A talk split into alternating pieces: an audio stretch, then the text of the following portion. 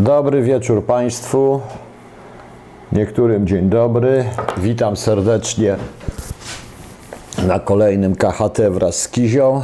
Teraz nie ma gęsiarki, jest Kizia. Kizia jest, jestem już w domu, więc z domu sobie nadaję, proszę Państwa, więc witam. E, a o czym, Panie Mariuszu? A o czym mam mówić? Wiadomo, że tylko będzie jedno. No. E, właśnie. Co mamy tutaj? Co mamy tutaj? Nic ciekawego na razie. Dobra, cześć. Dobra, zostawiamy kota. Właśnie kot tutaj sobie. O, kosę polas.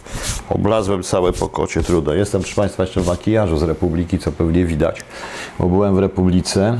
E, Dzisiaj oczywiście, że temat jest jeden, czyli ten szpieg złapany przez ABW. Chiński szpieg. Otóż proszę Państwa, ja właściwie to ja powtórzę to wszystko, co mówiłem, może trochę więcej powiem na ten temat. Po pierwsze, e, to rzeczywiście jest sukces, bo ciężko jest złapać szpiega w ogóle, a chińskiego szpiega naprawdę chyba po raz pierwszy w Polsce złapano chińskiego szpiega. Chińczycy działają zupełnie inaczej, a paragraf, e, odpowiedni paragraf kodeksu karnego to jest chyba 130 kk, e, tak szpiegostwo określa, że trzeba mieć w ręku naprawdę twarde dowody świadomego współdziałania z wywiadem. Takie dowody to są na ogół środki łączności, spotkania wywiadowcze, zadania wywiadowcze i tym podobne rzeczy, które naprawdę ciężko jest zdobyć w przypadku niektórych, niektórych wywiadów, w tym wywiadu chińskiego. E, ja odniosę się od razu do paru rzeczy. Przede wszystkim do pewnego artykułu e, tutaj pana Jurasza, który ma rację, e, który ma trochę racji w tym, co mówi. E, oczywiście przede wszystkim to, że zwraca uwagę na brak całkowitej świadomości świadomości kontrwywiadowczej naszych elit i naszych polityków. To prawda. To prawda.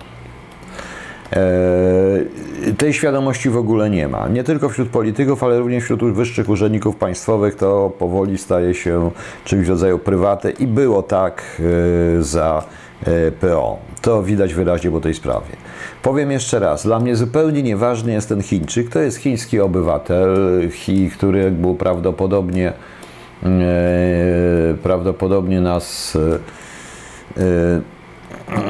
no cóż, no, no nie wiem, no będą jakieś tam pewnie targi podskórne, bo to zawsze tak jest, ale oświadczenie ambasady chińskiej jest oświadczeniem bardzo rutynowym, oni chyba nawet nie obrazili, mają to wkalkulowane w koszta, to zresztą jest wywiad, który ma wiele rzeczy wkalkulowane w koszta i wcale nie jest taki, e, wcale nie jest taki mm, sophisticated, taki wspaniały, oni po prostu mają dużo pieniędzy i idą na całość. Proszę Państwa, i to notowaliśmy już trochę wcześniej. Pan Wojciech Brzozowski cytuje, chyba ja to kiedyś powiedziałem, Chiny to nas chyba nie szpiegują, bo jeszcze nie złapaliśmy żadnego, nie złapaliśmy żadnego szpiega. Tak, to takie było twierdzenie w, w łopie na samym początku w ABW dotyczące Chin. Rzeczywiście. Yy, ja mówię o kontrwywiadzie, nie mówię o wywiadzie, chociaż część rzeczy, które wiem są właśnie z wywiadu. Yy, notowaliśmy od dawna aktywność, zwłaszcza aktywność Chińczyków, szczególnie w tworzeniu sobie tak zwanego lobby, kupowaniu po prostu urzędników, kupowaniu ludzi. Bardzo proste. Oni przede wszystkim idą w pieniądze, więc oferują pieniądze. W wielu wypadkach ludzie odmawiają, ale na 100 przypadków zawsze znajdą się przynajmniej dwa bądź trzy, które te pieniądze przyjmą. Czasami może i więcej.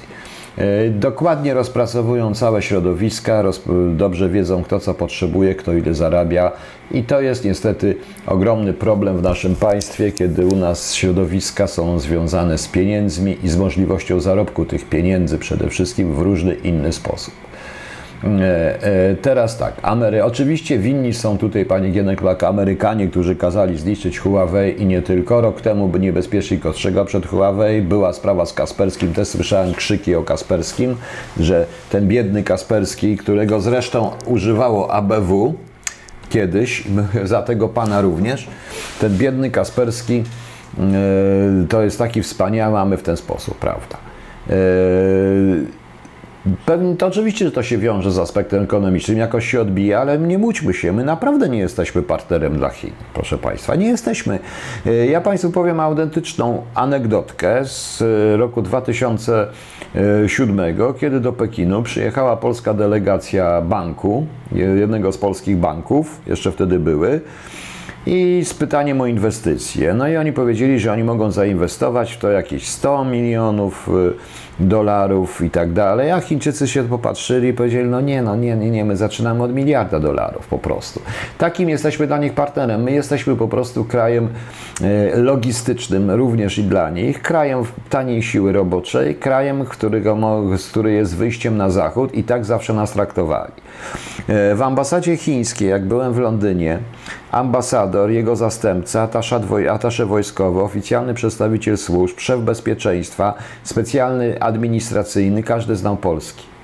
I jeszcze konsul generalny chyba wtedy też znał polski i atasze kulturalny znał polski, e, bo oni wszyscy terminowali w Polsce, zanim wyjechali na zachód. I to było od dawna. Myśmy od dawna mówili, że ambasada chińska jest właściwie taką taką yy, takim przygotowaniem do wyjścia na zachód. Oni uczą się zachodu, uczą się obcej kultury, obcego języka, obcych różnych rzeczy, uczą się właśnie tutaj w Polsce, uznając, że to jest kraj bezpieczny. Oczywiście, że tak. E, myśmy stworzyli, tutaj zgadza się również z panem Juraszem, myśmy stworzyli warunki, o tym wielokrotnie mówiłem, do szpiegowania i nie mam czasu i nie mam, i nie mam tutaj żadnych pretensji do Chińczyków. Robią, co robią, bo to im każe. To jest kraj, który yy, myśli tylko wyłącznie od ekspansji, współpracować będzie z każdym, jeśli to będzie się im opłacać. Natomiast y, denerwują mnie, irytują takie właśnie wypowiedzi różnego rodzaju pseudofachowców, czy innych fachowców. No nawet zobaczyłem, że oficerowie CBS-u byli też wiedzą, no, dają się na temat szpiegostwa o wiele lepiej ode mnie na temat szpiegostwa. Pewnie łapali w tym CBS-u szpiegów. No i innych i wiedzą, jak działają wywiady, znają się na tym. CBS, jak się dowiedziałem, jak odniosłem się z wypowiedzi jednego fachowca z CBS-u, to mm, chyba CBS zamiast łapać bandytów, to chyba zajmuje się, o, o, zajmuje się obserwowaniem działań wywiadów, szczególnie chińskiego, proszę Państwa, na tej zasadzie. Więc trochę jestem złośliwy, a dlaczego mam być złośliwy? E, mówicie, że USA ma korzyść na pogorszeniu stosunków z Chin z Polską, ale jakie te stosunki były? Dobre, niedobre? Nie. Zrozumcie Państwo jednej rzeczy. Ja, współpraca współpracą, ale to powinno być na naszych warunkach i nie może być na warunkach chińskich. A jeżeli włącza, na, czy na warunkach obcych, jeżeli włącza się do tego wywiad i wywiad za pomocą agentury, tworzy sobie warunki dla rozwoju dla własnego państwa, to jest tylko na ich warunkach i tylko dla ich korzyści. Po prostu. No właśnie. E, próby oni mieli od dawna. E, nie pamiętam, w 2008 roku e, odbyło się pewne przyjęcie w ambasadzie chińskiej. Tam był fotograf, no ktoś z kancelarii prezydenta w każdym bądź razie, facet, który potem był do MSZ-u. Poszedł do MSZ-u, no i oni po przyjęciu dostali pudełka herbat, takie, bo oni Chińczycy dają prezenty. On otwiera to pudełko herbat i patrzy, w środku ma 20 tysięcy dolarów w tym pudełku i wizytówkę z telefonem. Y, on się do nas zgłosił.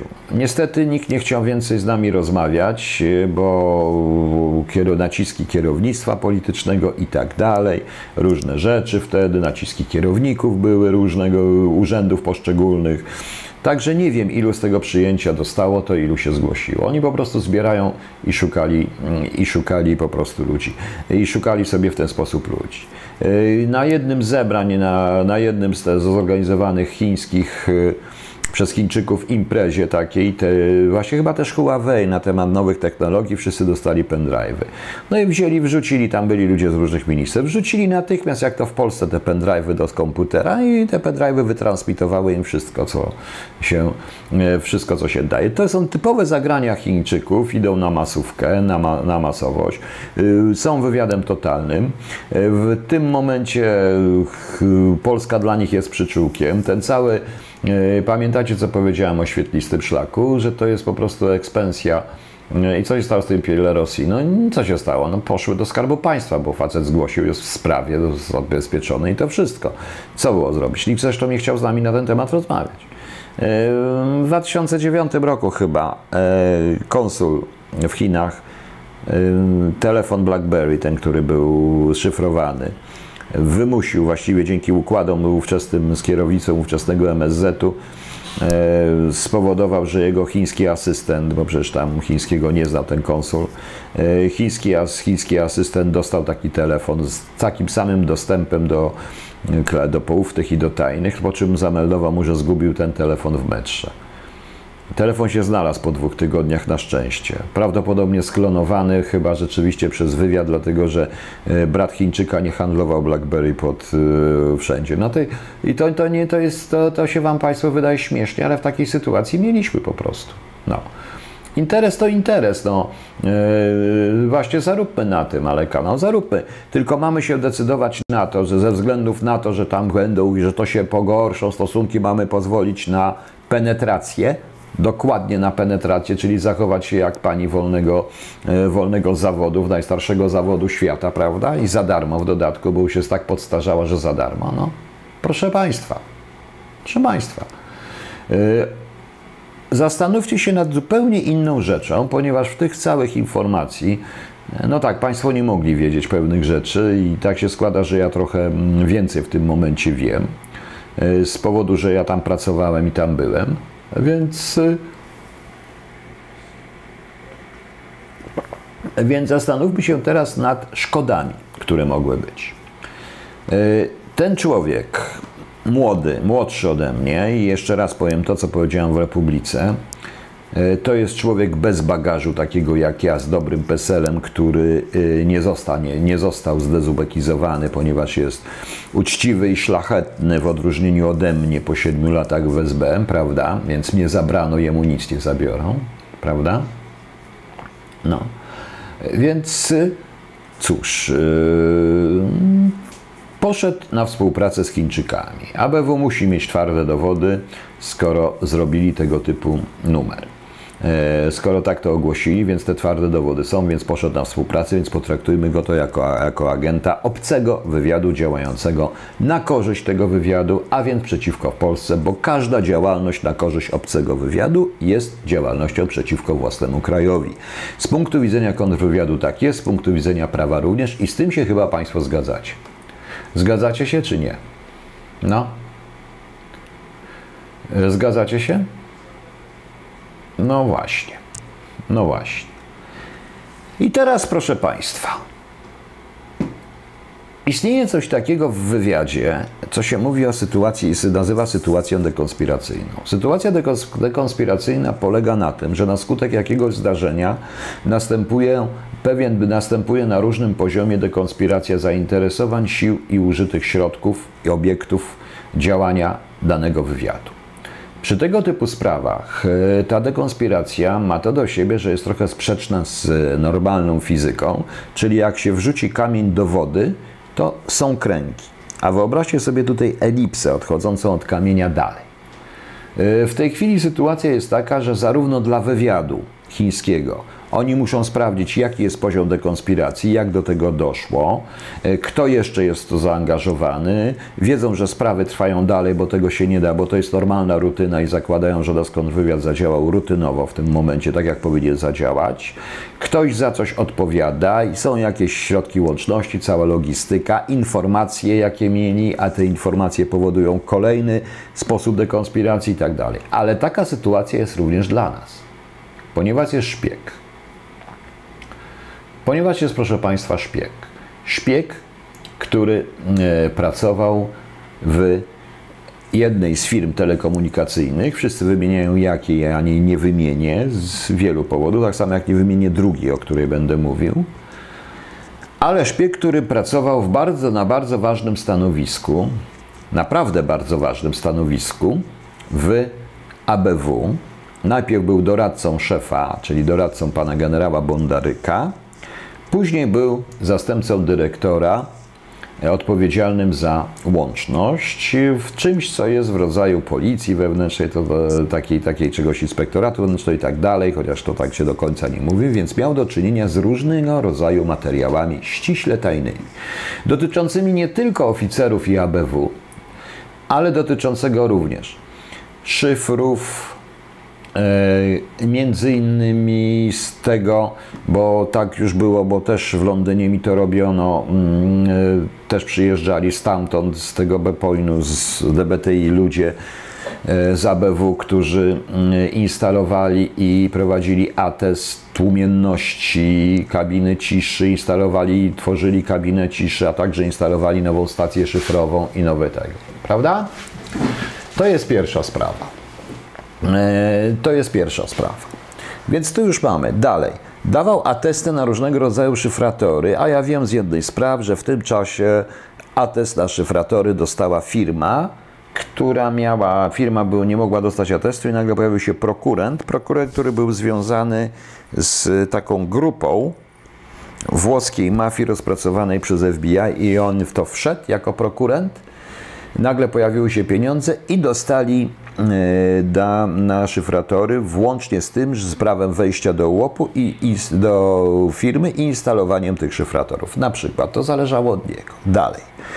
Wszystkie telefony rządowe, łączność tajna, dopuszczanie do, do tajnych, y, na przykład łączności tajnej na teren ABW i nie tylko ABW, ponieważ ABW również oceniało y, łączność pomiędzy dwoma obiektami agencji wywiadu, żeby dopuścić to do tajnej i nie tylko, bo taką małą, bo taka jest ustawa.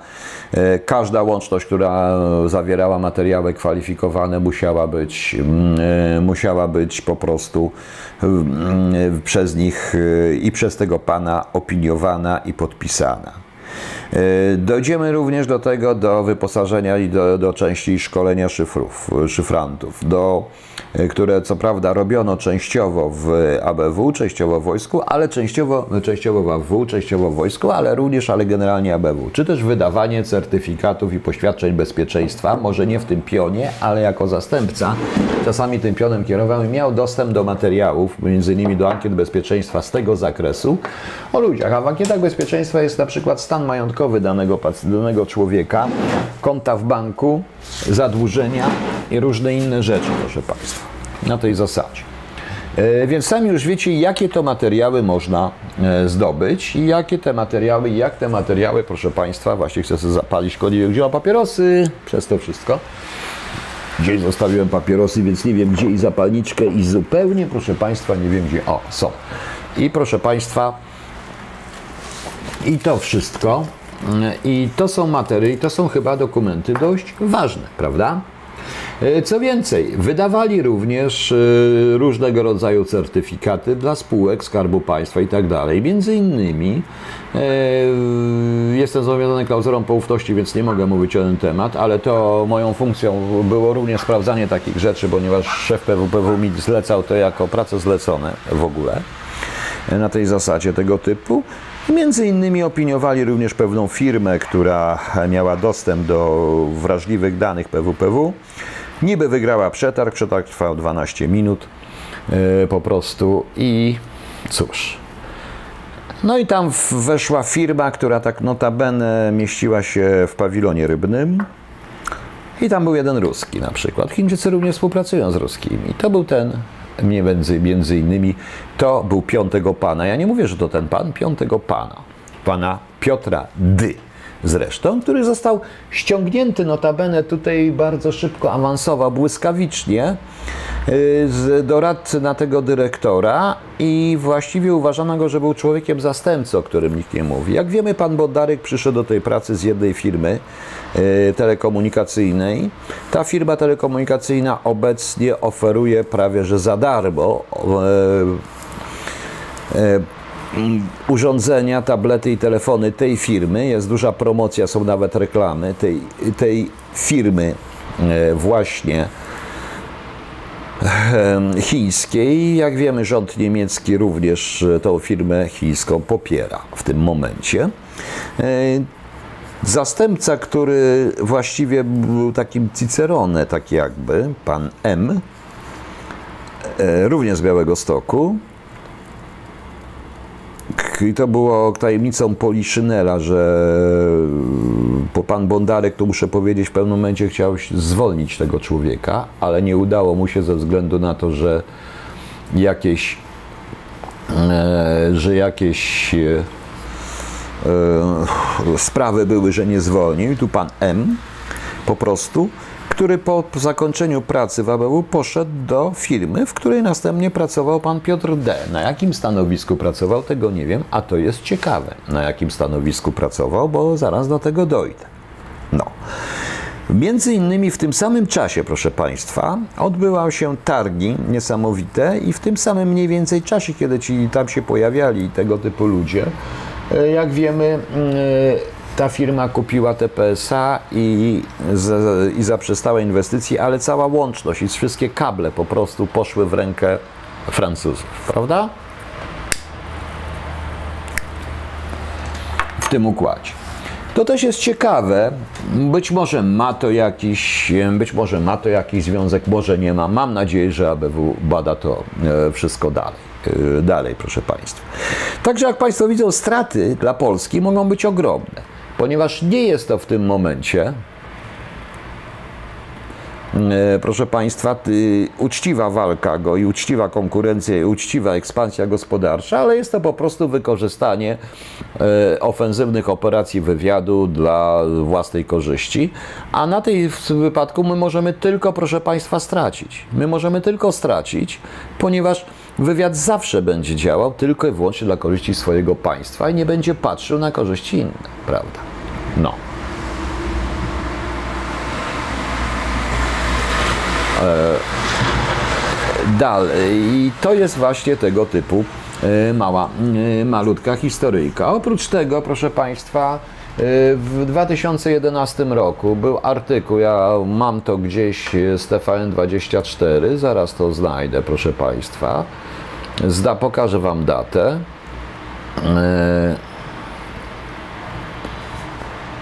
Pokażę Wam e, datę tego wszystkiego, bo to jest arcyciekawe. Już, już, już, już, już, już, już, już, tylko muszę, proszę Państwa, to znaleźć, bo chcę tą datę specjalnie przeczytać. Mm, o właśnie.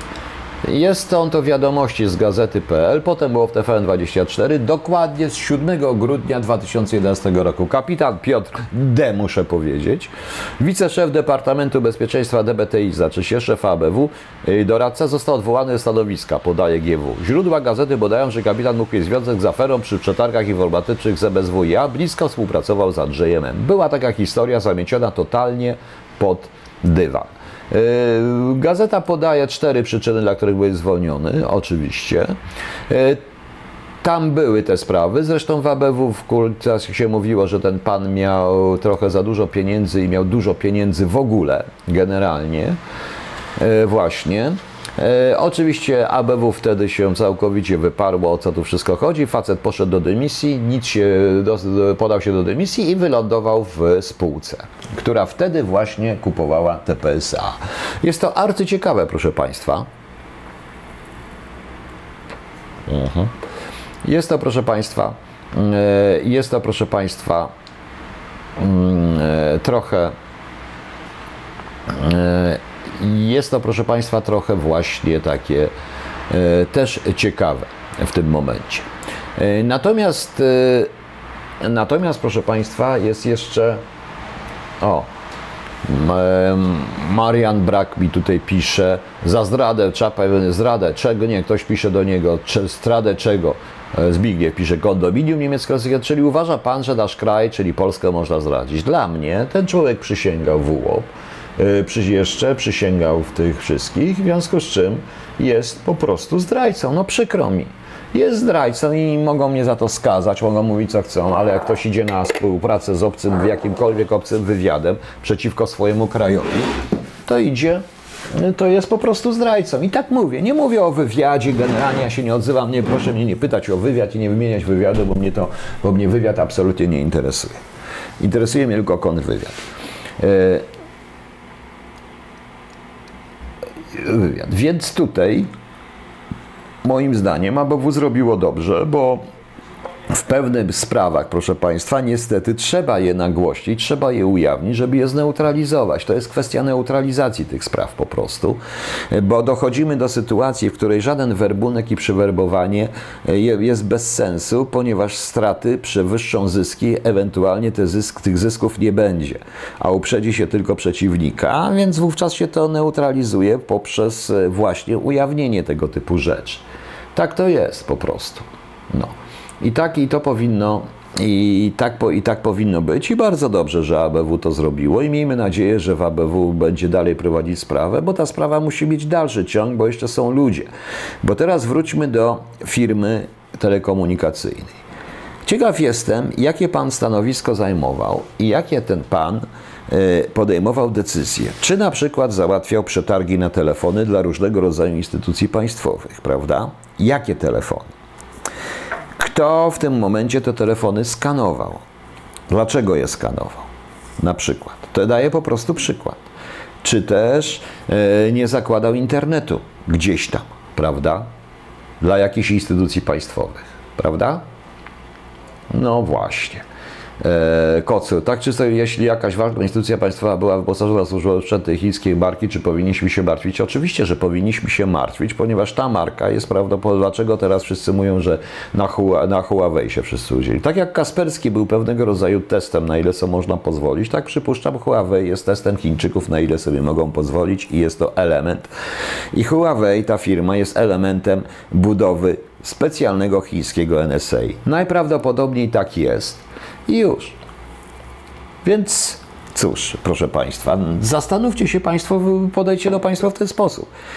Oni byli w stanie poświęcić firmę Huawei, dlatego że stwierdzili, że teraz zobaczyli, że te metody, które się, które, które, którą zastosowali, nie jest efektywna. Co osiągnęli, to osiągnęli, przynajmniej w takim kraju jak nasz. I teraz wracając do tej firmy telekomunikacyjnej, powiedziałem o kablach, więc prawdopodobnie Duża część, a wiem, że są instytucje i znam instytucję państwową, jedną ze służb, która posługuje się telefonami tej firmy jako służbowymi, więc proszę Państwa, no, no zastanówcie się. No. Tym bardziej, że ekspansja Chińczyków i działania wywiadowcze Chińczyków widać, widać było dokładnie, można było zobaczyć na przykład kupno przez nich i działania, ogromne działania, Wbrew zresztą temu, co się działo na świecie, kupno pewnej ogromnej firmy detektywisty, firmy y, z tradycjami, jednej z trzech największych w Polsce firm, y, firmy ochroniarskich. Y, mniej więcej od początku, od połowy lat, od początku lat 2000 Chińczycy usiłowali wejść w system ochroniarski w na świecie i na Zachodzie. I Zachód się przed tym broni. Ja pamiętam, kiedy e, była podobna sytuacja z ogromną brytyjską firmą ochroniarską i wtedy rząd się wtrącił brytyjski i zabronił sprzedawać tej firmy Chińczykom. Mimo, że to jest prywatny biznes, zabronił. Dlaczego? Dlatego, że ta firma ochroniarska to nie są tylko i wyłącznie, i proszę mi wierzyć, bo byłem, bo widziałem materiały z tej firmy, w spółkach Skarbu Państwa również widziałem materiały tej firmy.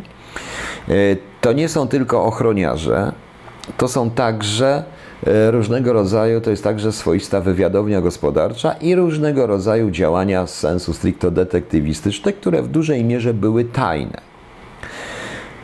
I oni kupując tą firmę, kupili to razem z tymi materiałami. A to są materiały z różnego rodzaju działań detektywistycznych, jak obserwacja, podsłuchy, różnego rodzaju zbieranie informacji i tak dalej. I co tam było? A ponieważ korzystały z tej firmy ludzie i korzystali zarówno prywatnie, jak i służbowo. Spółki Skarbu Państwa, prywatnie ludzie naprawdę z górnej półki e, z tej firmy korzystały, plus przełożenie oczywiście na służby w tym momencie to proszę zobaczyć, jaki prezent kupując to za 4 miliony euro, zdaje się, czy nie więcej, chyba 20 milionów euro, dostali Chińczycy, proszę Państwa. Prawda? Prawda? Marek i to jednak się miał rację, BlackBerry, DMZ i MON wówczas najbardziej bezpieczny. Tak, ale jednocześnie wprowadzili Kasperskiego i wprowadzili też i co z tego, kiedy ten BlackBerry wzięli sobie Chińczycy, prawda? I znaleźli szybko Chińczycy. Więc cóż, e, więc cóż, proszę Państwa. E, zastanówcie się dalej nad tym, jakie jest niebezpieczeństwo i jakie spowodowało to wszystko zagrożenie. Do tego dochodzimy do sytuacji, e, do tego dochodzimy Uzbekistan. Widzę, ale Hansen nie, zrobili, nie zrobili tak bezkreślnych karier. Widzę, no oczywiście, że widzę zbieg okoliczności, nie tylko zbieg okoliczności, widzę pewien patent na to wszystko, po prostu. No. E nie, nie, nie było sensu przejmowanie tego człowieka widocznie, bo proszę mi wierzyć, ja byłem w sytuacji, w której to nawet pan Siemiątkowski i wszyscy z SLD po w 2000 roku krytykowali, że to jest porażka, ujawnienie tych szpiegów i wywalenie tych ruskich, tylko że myśmy ujawnili, ja w sumie ujawniłem 27 oficerów. I żaden z tych fachowców, o zerowej świadomości działania pracy operacyjnej, takiej między innymi y, pracy operacyjnej kontrwywiadu, takiej właśnie świadomości, jakiej mają byli oficerowie CBS-u i nie ty, i ci fachowcy z, y, z wydziałów ogólnych, nie wyobrażając sobie, że ujawnienie 27 szpiegów oznacza pełną kontrolę tych ludzi i wykorzystywanie operacyjne, a do pełnej kontroli tych ludzi trzeba by powołać instytucję, która tylko i wyłącznie zajmie się kontrolą tych osób, bo nikt sobie nie zdaje sprawy, co to znaczy tak prawdę mówiąc kontrola operacyjna przez 24 godziny na dobę jednej osoby. Ile to jest sił i środków. W związku z tym, przy takiej masówce osiąga się inny sukces. Sukces czysto propagandowy, czyli po prostu się część wyrzuca, część się po prostu eliminuje, bo Rosjanie sami wycofali prawie wszystko, a Putin zrobił u siebie jeszcze czystkę w swoich służbach po prostu. I to prawdopodobnie będzie również w Chinach, bo e, Huawei za bardzo wpadło, więc widocznie ta operacja była zbyt bezczelna. To oczywiście nauczy wywiad chiński, bo wywiady się uczą e, mocno, że przy czym ja mówię wprost, ja nie mam pretensji do Chińczyków, absolutnie nie mam pretensji do Chińczyków wykonywali swoje zadanie i robili to dobrze do pewnego momentu dla siebie. Popełnili błąd, koniec. Wyciągną wnioski, nauczą się, pewnie, nie będę, pewnie zmienią trochę formy działania i sposób działania i technikę i pewną technikę działania, czyli nie będzie to tak powiem, mówiąc kolokwialnie na hama i bardzo dobrze. Natomiast polski kontrwywiad, jeżeli istnieje w ogóle, również się nauczy. Mam nadzieję, że taki, że kontrwywiad, że to może być zaloże powstania prawdziwego kontrwywiadu, o którym zawsze mówiłem. I już. No. E, jaki nowy wiceminister Wojciech Stes? Bo ja nie wiem, jakiej wojny minister. No. E, Uzbekistan, e, ależ się przeorganizował całkowicie. Jelcyn całkowicie wymienił kierownictwo służb. To było pewne. Zmienili ten, przestali, zaczęli być ostrożni po prostu. No. Tomasz Sobczak, panie Chiny, Chiny yy, panie Piotrze, Chiny komunizm. Proszę pana, yy, ten komunizm to jest tylko nazwa. Pan sobie wyobrazi prywatne przedsiębiorstwo, których właścicielem jest Komitet Centralny i na takim tle komunizm. Równie dobrze mogą napisać Coca-Cola. Na tym to wszystko, tak to wszystko wygląda, tak to właśnie. No. E, do tego wchodzi oczywiście 5G, które chcieli zmonopolizować, a więc łączność i dalej. Pytanie, czy nasi nauczą się na tym? Mam nadzieję. Mam nadzieję, że to nie jest tylko wyłącznie zachwycimy się, zachwycimy się sukcesem, bo każdy sukces niesie od razu widmo porażki i tak to jest. Ja mówiłem, uprzedzałem też po ruskich od razu, że teraz trzeba się dopiero przyszykować na to, co ruskie zrobią, bo jakiś odwet niewątpliwie, proszę Państwa, będzie jakiś odwet z ich strony. Nie wiem jaki. Pewnie gospodarczy, może jakąś polską firmę załatwią, nie wiem. To jest wkalkulowane w koszta, ale czy mamy? No, Ale czy możemy, proszę Państwa, mamy w ten sposób rezygnować z łapania szpiegów? Tutaj ktoś pisze, że Chińczycy dali szpiega i czekają na reakcję strony, jak będzie reakcja i co mogą sobie pozwolić w przyszłości. Nie, ale kanał, nie, nie, nie, nie, nie dali szpiega. Nie, to rzeczywiście zostało złapane. Nawet jeśli tutaj pomogli w tym, czy to na skutek informacji, od sojuszników, to jednak te informacje trzeba zdyskontować, umieć wykorzystać i umieć przepracować. Także to też jest sukces naszych i nie, nie pozbawiajmy samych siebie sukcesu, bo to jest sukces, na, sukces naszych chłopaków tam z ABW, którzy się zajmują kontrwywiadem i należą im się podziękowania i gratulacje za to po prostu. My jesteśmy jedynym krajem na świecie, który po czymś takim wali również w naszą służbę. No dobrze, że w tej całej mizerii, w tym, że nie ma tych służb w ogóle, w tych ruinach, potrafili coś takiego zrobić. Dobrze. To, że pomogli im w tym prawdopodobnie inni, którzy nie mają takich ruin, no to też jest dobrze. Dobrze, że potrafili to wykorzystać. Mam tylko nadzieję, że ktoś pomyśli i tak jak powiedziałem w Republice, że na, mamy nareszcie dowód, że jednak jest w Polsce szpiegostwo, a nie tylko oskarżali się różne i tak dalej, i tak dalej. Po prostu. Natomiast też bawią mnie te stwierdzenia, że w końcu się okazało, że Chińczycy zmieniają się w sposób agresywny. Bzdura, oni zawsze byli agresywni, przynajmniej odkąd rozpoczęli tę ekspansję i tak jak pamiętam, również w latach 90. notowaliśmy pewne historie z nimi związane, a ja pisałem sam z Anglii na temat różnych efektów, bo rozmawiałem z Anglikami, no oni też notowali u siebie różne działania, wręcz agresywne oficerów chińskiego wywiadu, więc to nie jest nowe, to już było wiadomo. Myśmy tylko nie przyjmowali do siebie świadomości, myślę, że Chińczycy to oni się interesują tylko swoimi i chodzi im tylko o gospodarkę, więc widzimy, jak im chodzi o gospodarkę. Chodzi im również o wpływanie na tą gospodarkę, bo przez zbiór tych informacji, opracowanie profili osobowościowych, czy też dotarcie do tego, kto ile potrzebuje, wiadomo, że można zapłacić tyle, że no, w ten sposób. Tym bardziej, iż świat, jeszcze raz powtórzę i będę mówił, świadomość kontrwywiadowcza naszego bo ta sprawa pana Piotra D. to też jest udowadnia to, co mówiłem kilka dni temu o ściemie pod tytułem poświadczenia bezpieczeństwa, proszę państwa. O ściemie, e, proszę państwa. E, Direttissima, dlaczego ta sprawa trafia do mediów? Trafia do mediów, bo to jest element neutralizacji tego wszystkiego. Po prostu. Właśnie. No. E, służb. Och, jejku, jejku. Nie widzi pan to, bo ja nie widzę tej dyktatury. No. Myśli pan, że afera informatyczna MMS mogła mieć związek z Uzbekistan? Pewnym sensie tak, dlatego że ja sam byłem, e, znalazłem i to też pracując, robiąc pewne sprawdzenia dla PWPW, ale nie pracowników, tylko raczej kontraktów. Bo to nie jest tak, że ja siedziałem, podsłuchiwałem Solidarność, jak twierdzi i jak twierdzą niektórzy, którzy widzieli mnie w knajpie na tym w knajpie, w jedynej czynnej knajpie na Nowym Mieście, tylko moją winą jest tylko to, że siedziałem po prostu na Nowym Rynku na rynku Nowego Miasta. I że siedziałem sobie w tej jedynej czynnej knajpie rano i pisałem książkę, e, to zajmowałem się poważniejszymi o wiele sprawami, co wszystko zostało udokumentowane w raportach odpowiednich, e, czyli produkcie za te prace zlecone. E, produkcie. To była ciężka robota, często również robota wywiadowcza.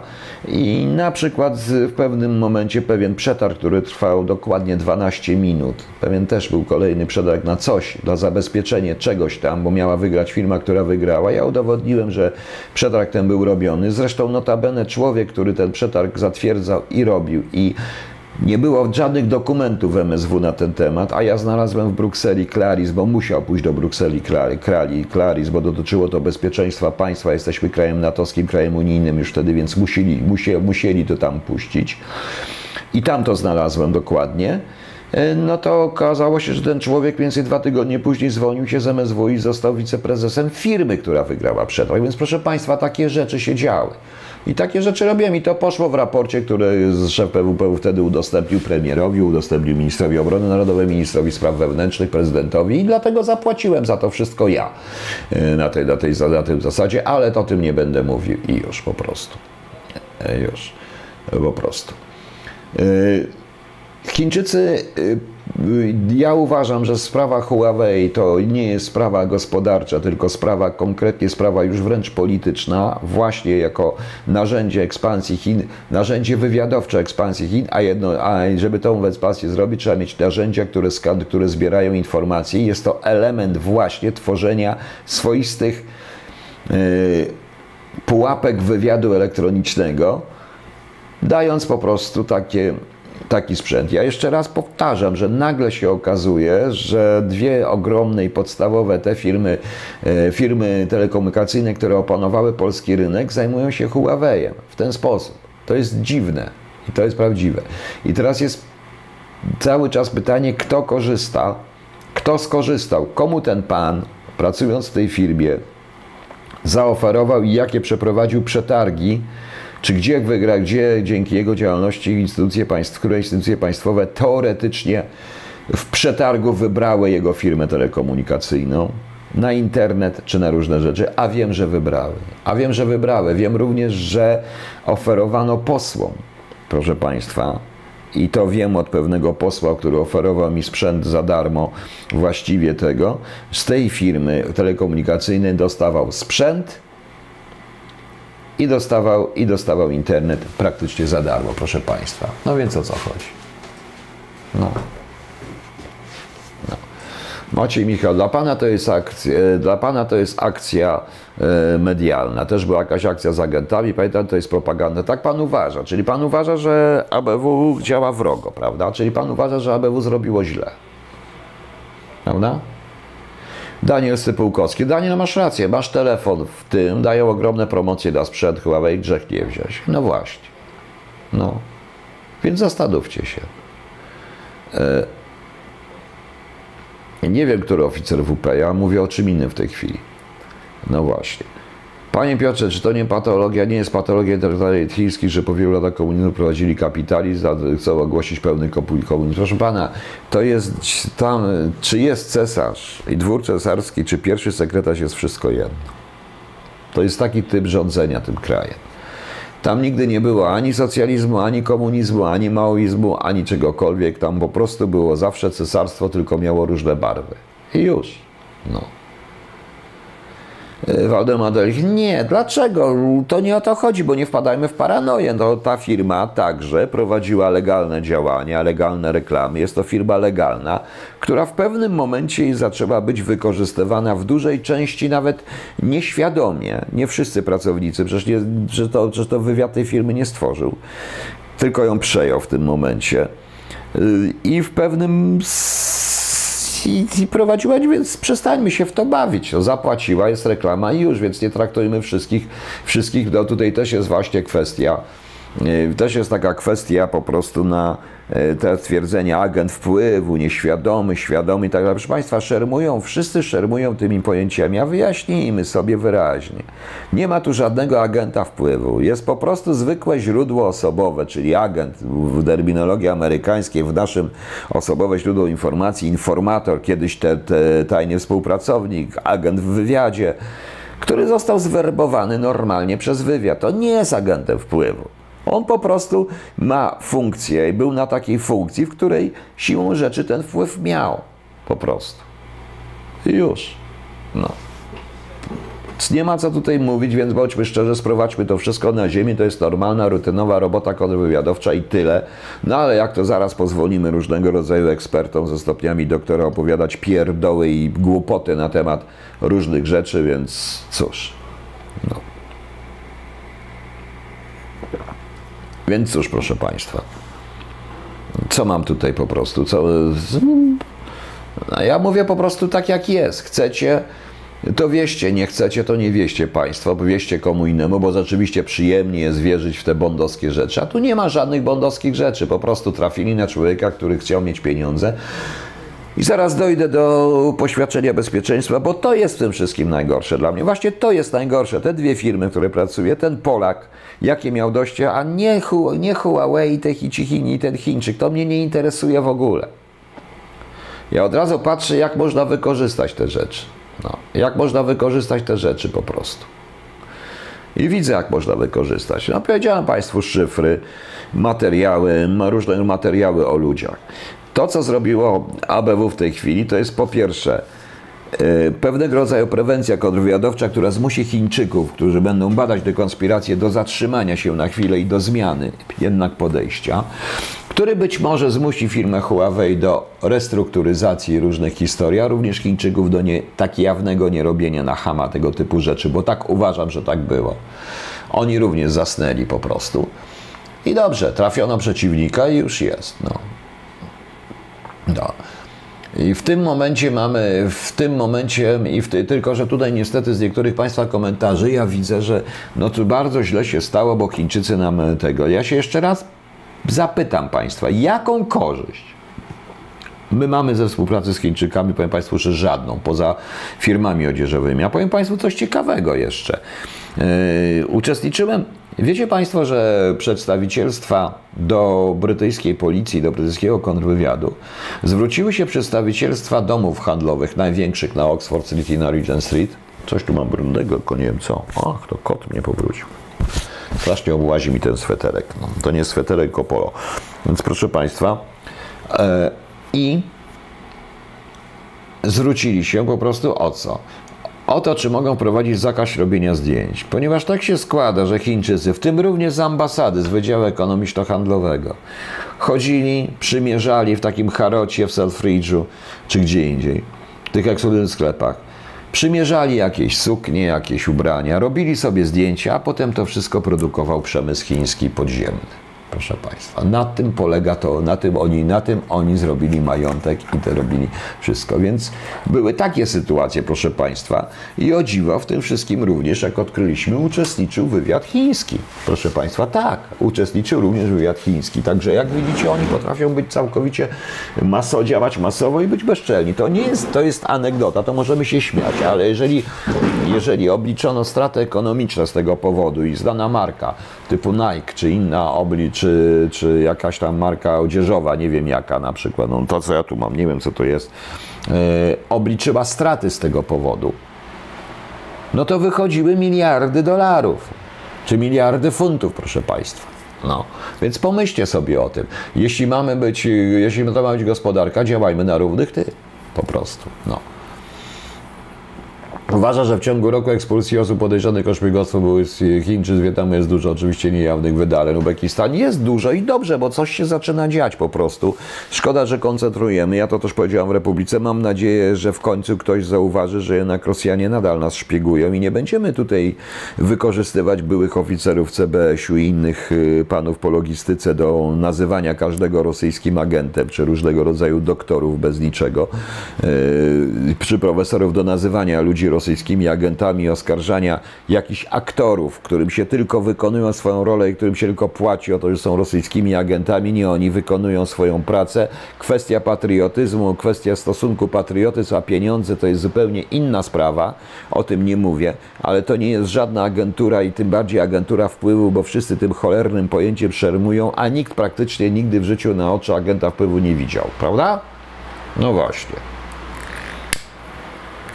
I mówię Państwu szczerze, narażając się znowu wszystkim na to, narażając się na to, że będę, o coś tu nie ma Pani Ani, chciałem ją zaprosić, Pani Ania komentuje, Pani Aniu, bo Pani Ania jest prawdziwą polską patriotką i jednocześnie purystą, purystką jen, jęsykową. O, właśnie. No właśnie. I i tu jest historia. Poszli może za pieniędzmi Chińczycy bardzo mocno korumpowali. Anglicy też zauważyli u siebie na przykład chęć dawania przez Chińczyków e, prezentów różnego rodzaju elektronicznych zawsze. Oni są mili, grzeczni, układni, to jest inna kultura. Oni zresztą mają, oni zresztą wiedzą, że my nie rozumiemy do końca ich kultury. I to wykorzystują. I, tego, I to, proszę Państwa, wykorzystują. E, w Londynie na przykład mieliśmy taką historię, chodziło o to, że tam była taka sytuacja, że tam się zbiera jakieś małże, prawda? I był przypływ i tam wtedy było strasznie, prawie 30 osób zginęło, to byli, to Chińczyk to wszystko miał.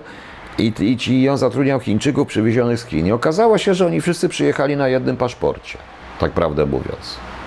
Ze względu na to, że jest różnica w chińskich i tam i Anglicy nie byli w stanie zrozumieć w ogóle tego wszystkiego. E, nie byli w stanie i oni w ten sposób oszukiwali. To był jeden paszport praktycznie, którymi oni się wymieniali i ci Chińczycy przyjeżdżali, bo dla Anglików wyglądają tak samo i brzmią tak samo, są podobni po prostu. Po prostu, no. No właśnie, i wcale nie uważam, że ich za perfidnych oszustów, proszę pana, są bardzo mądrzy, bardzo fajni ludzie, bardzo mili, bo z nimi sobie czasami chętnie rozmawiałem. Miałem zresztą oficjalne kontakty z ambasadą chińską i już. Do nas też nikt nie kontroluje tej migracji. Są same chińskie dzielnice, wypasione samochody, różne rzeczy. Prawda? I, I oni po prostu robią majątek, działają. Ja zresztą również y, osoba, którą bardzo dobrze znałam rodzinnie, pracowała w chińskiej firmie odzieżowej i też mi opowiadała, jak to jest robione. W jaki sposób się to kupuje się jeden drogi rzecz, przychodzi z zachodu jedna droga rzecz, którą oni rozkładają, roz tego i robią dalej. I robią po prostu jako swojej sprzedawają w swoich sklepach, sprzedają w swoich sklepach, ewentualnie na chińskich bazarach, bo po to im potrzebna ta cała chińska populacja, którą mozrowo trzymają. Do tego wszystkiego jest jeszcze takie tworzenie wzoru Chińczyków i toposu Chińczyków, utrzymywanie w tej chińskiej tajemniczości, na przykład e, jest taki film o Falun, o sekcie Falun Gong, prawda? Pamiętacie Państwo? Zrobiłem taki film, jest na poprzednim na jest na poprzednim kanale ten film yy, z protestu pod ambasadą chińską, w której ewidentnie od początku wiedziałem, że człowiek główny, który tym rządzi, został zdelegowany przez ambasadę chińską, żeby rządzić tą sektą. Prawda? No właśnie. No właśnie. I to są Chińczycy. Oni działają dla korzyść swojego kraju, a naszym zadaniem, tu się zgodzę z panem Juraszem, myśmy zrobili wszystko, żeby się tu czuli bezpiecznie, więc dobrze, że w końcu przestali się czuć bezpiecznie. Po prostu. Oczywiście nie Lenin, że Chińczycy są uśmiechnięci, ale nie jeden Europejczyk by się zdziwił, jakimi oni są. Tak, ok, tak. Miałem kiedyś okazję być na pewnym szkoleniu, gdzie byli zarówno Chińczycy, jak i y, ktoś tam z Afryki, inni. Ja widziałem, jaki jest ich stosunek. Zresztą podobno po chińsku nie znam na tyle chińskiego, ale podobno Wietnamczyk to po chińsku jest małpa. To jest tak samo jak małpa na tej zasadzie po prostu. No.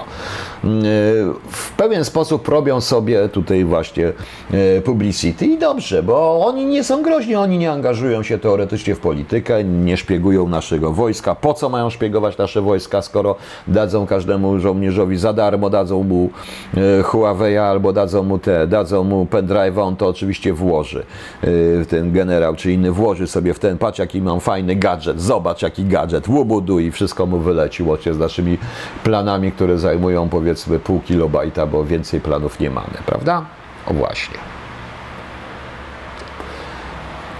I to na tym polega i tu musimy, i w tym momencie musimy to po prostu zrozumieć, że jesteśmy krajem tak jak powiedziałem, przyczółkiem na całą Europę Zachodnią i to zawsze mówiłem. Mówiłem to już w 2009, już to pisałem w 2004 czy 2003, pisałem to w, no, w, w papierach z rezydentury na ten temat. No i co? No. Dominik już cały czas opowiada. No i cóż. I nikt na to wtedy nie zwrócił uwagi. Teraz zwracają uwagę, może troszeczkę za późno, ponieważ szkody przez tego pana zostały. A ja muszę jeszcze powiedzieć, że ten pan chyba, ja się z nim chyba zetknąłem na jednym zebraniu generała Rapackiego, e, kiedy było przygotowanie do Euro 2012 do Euro 2012, to chyba oni też odpowiadali za przygotowania do Euro 2012 i też były bardzo dziwne tam rzeczy po prostu.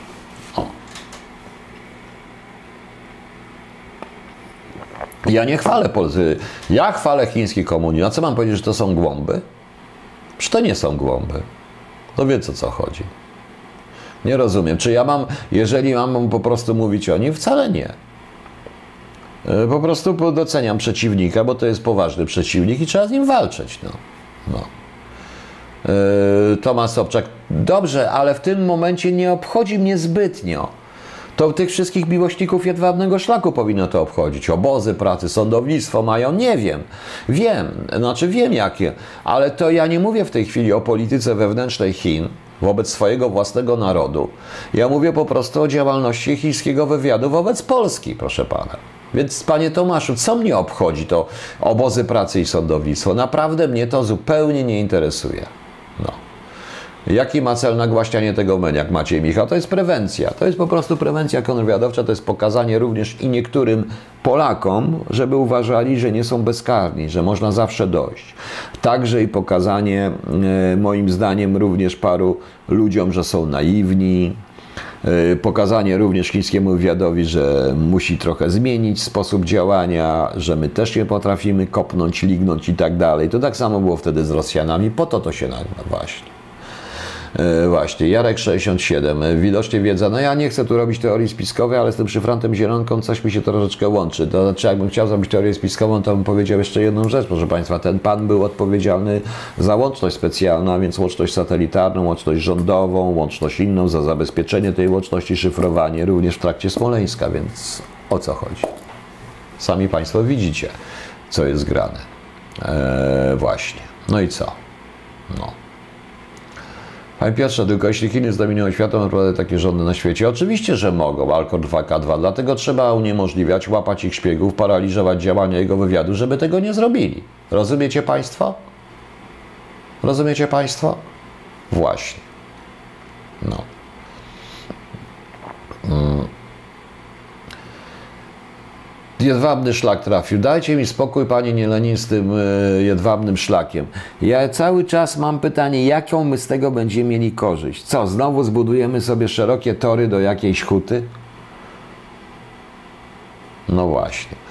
Jeśli dostali pomoc z USA, Mateusz, jak to potrafili ją zdyskontować, potrafili ją wykorzystać, zrobić? I to też się liczy, to też jest kunsz, bo to nie jest tak, że oni nam wszystko zrobili, bo na terenie polskim myśmy działali i to myśmy musieli znaleźć, mogli dostać część naprowadzeń, jakieś ślady tego wszystkiego, pójść tam, gdzie trzeba i już, no ale to nie wiem, nie znam sprawy, więc nie będę o tej sprawie, znaczy sprawy operacyjnej nie znam, więc w tym momencie nie będę o tej sprawie mówił, dyskutował i czasami myśmy też dostawali namiary, ja też kiedyś dostałem namiary od Francuzów i tutaj wyszła nam sprawa fajna, ale na miarę było od Francuzów po prostu, bo oni mogli. Nie wszystkiego człowiek nie wie, więc wiadomo, e, jak to wygląda. No. E, co tu pisze? Ale wyprowadza... E, gdzie to? Mm, co tutaj mówić? Co tutaj, tutaj, tutaj? Zaraz, zaraz, bo tutaj co było? Więc, ale wyprowadzając krajową myśli technicznej pełno Chińczyków składuje. Tak, ja wiem, panie Tomaszu, ja wiem o tym, ale to jest właśnie, chodzi o prewencję kontrwywiadowczą, której u nas nie ma. Ja tutaj mówię właśnie o kontr, ja tu mówię właśnie o e, kontrwywiadzie, że powinien powstać kontrwywiad, powinien powstać coś takiego, powinni być ludzie wprowadzeni właśnie, żeby takich sytuacji nie było, żeby ludzie byli uświadomieni, że jak dostaną, dostaną z niektórych rzeczy, to Amerykanie swoich uprzedzają, jakieś historie, jakieś dziwne gadżety, to żeby nie wsadzali tych gadżetów w komputer od razu, bo różnie może być po prostu. No. Ale widzę, że my w tej chwili absolutnie, my w tej chwili, że my w tej chwili widzę po Państwa komentarzach, to co, y, teraz będziemy, nie ma chyba bardziej krytykującego dzisiejsze służby człowieka ode mnie, a patrzcie co ja mówię, bo to trzeba przyznać po prostu. No. Maciej Michał, do jakiej firmy wracam? Do żadnej firmy nie wracam. No, no właśnie. No jest jednak wójco, jak NSA nasłuchuje cały świat, OK, jak robi to B, czyli Jankes może więcej lub tak, Nie, to nie jest tak. Y, jak Jankesi nasłuchują cały świat i wpadną, a takie są sytuacje, to też jest awantura. I o tym mówiłem. Była awantura w Wielkiej Brytanii. To kontrwywiad brytyjski zrobił tę awanturę, jak podsłuchiwali Downing Street. To, że u nas się nie dzieje, to nasza wina. Ja naprawdę nie mam pretensji ani do Chińczyków, ani do Amerykanów, ani do Niemców, ani do Francuzów, ani do Rosjan, ani do Izraela, że nas szpiegują. To myśmy stworzyli warunki, żeby nas szpiegowały, bo my nie mamy kontrwywiadu. Proste. Proste, proszę Państwa. Jak to wygląda? Wróćmy teraz do tych nieszczęsnych poświadczeń bezpieczeństwa. Otóż pan Piotr D. Dur, Możecie sobie w tym artykule wyborczej zobaczyć po prostu, e, jak on się nazywał. To też jest ciekawe. To też jest, e, to też jest ciekawe. E, zaraz to znajdę. O, dam Państwu tutaj link do tego.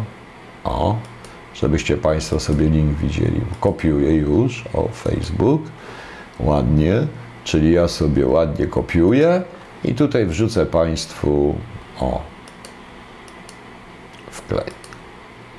I tutaj wrzucę Państwu tego linka z Gazety Wyborczej z 2011 roku.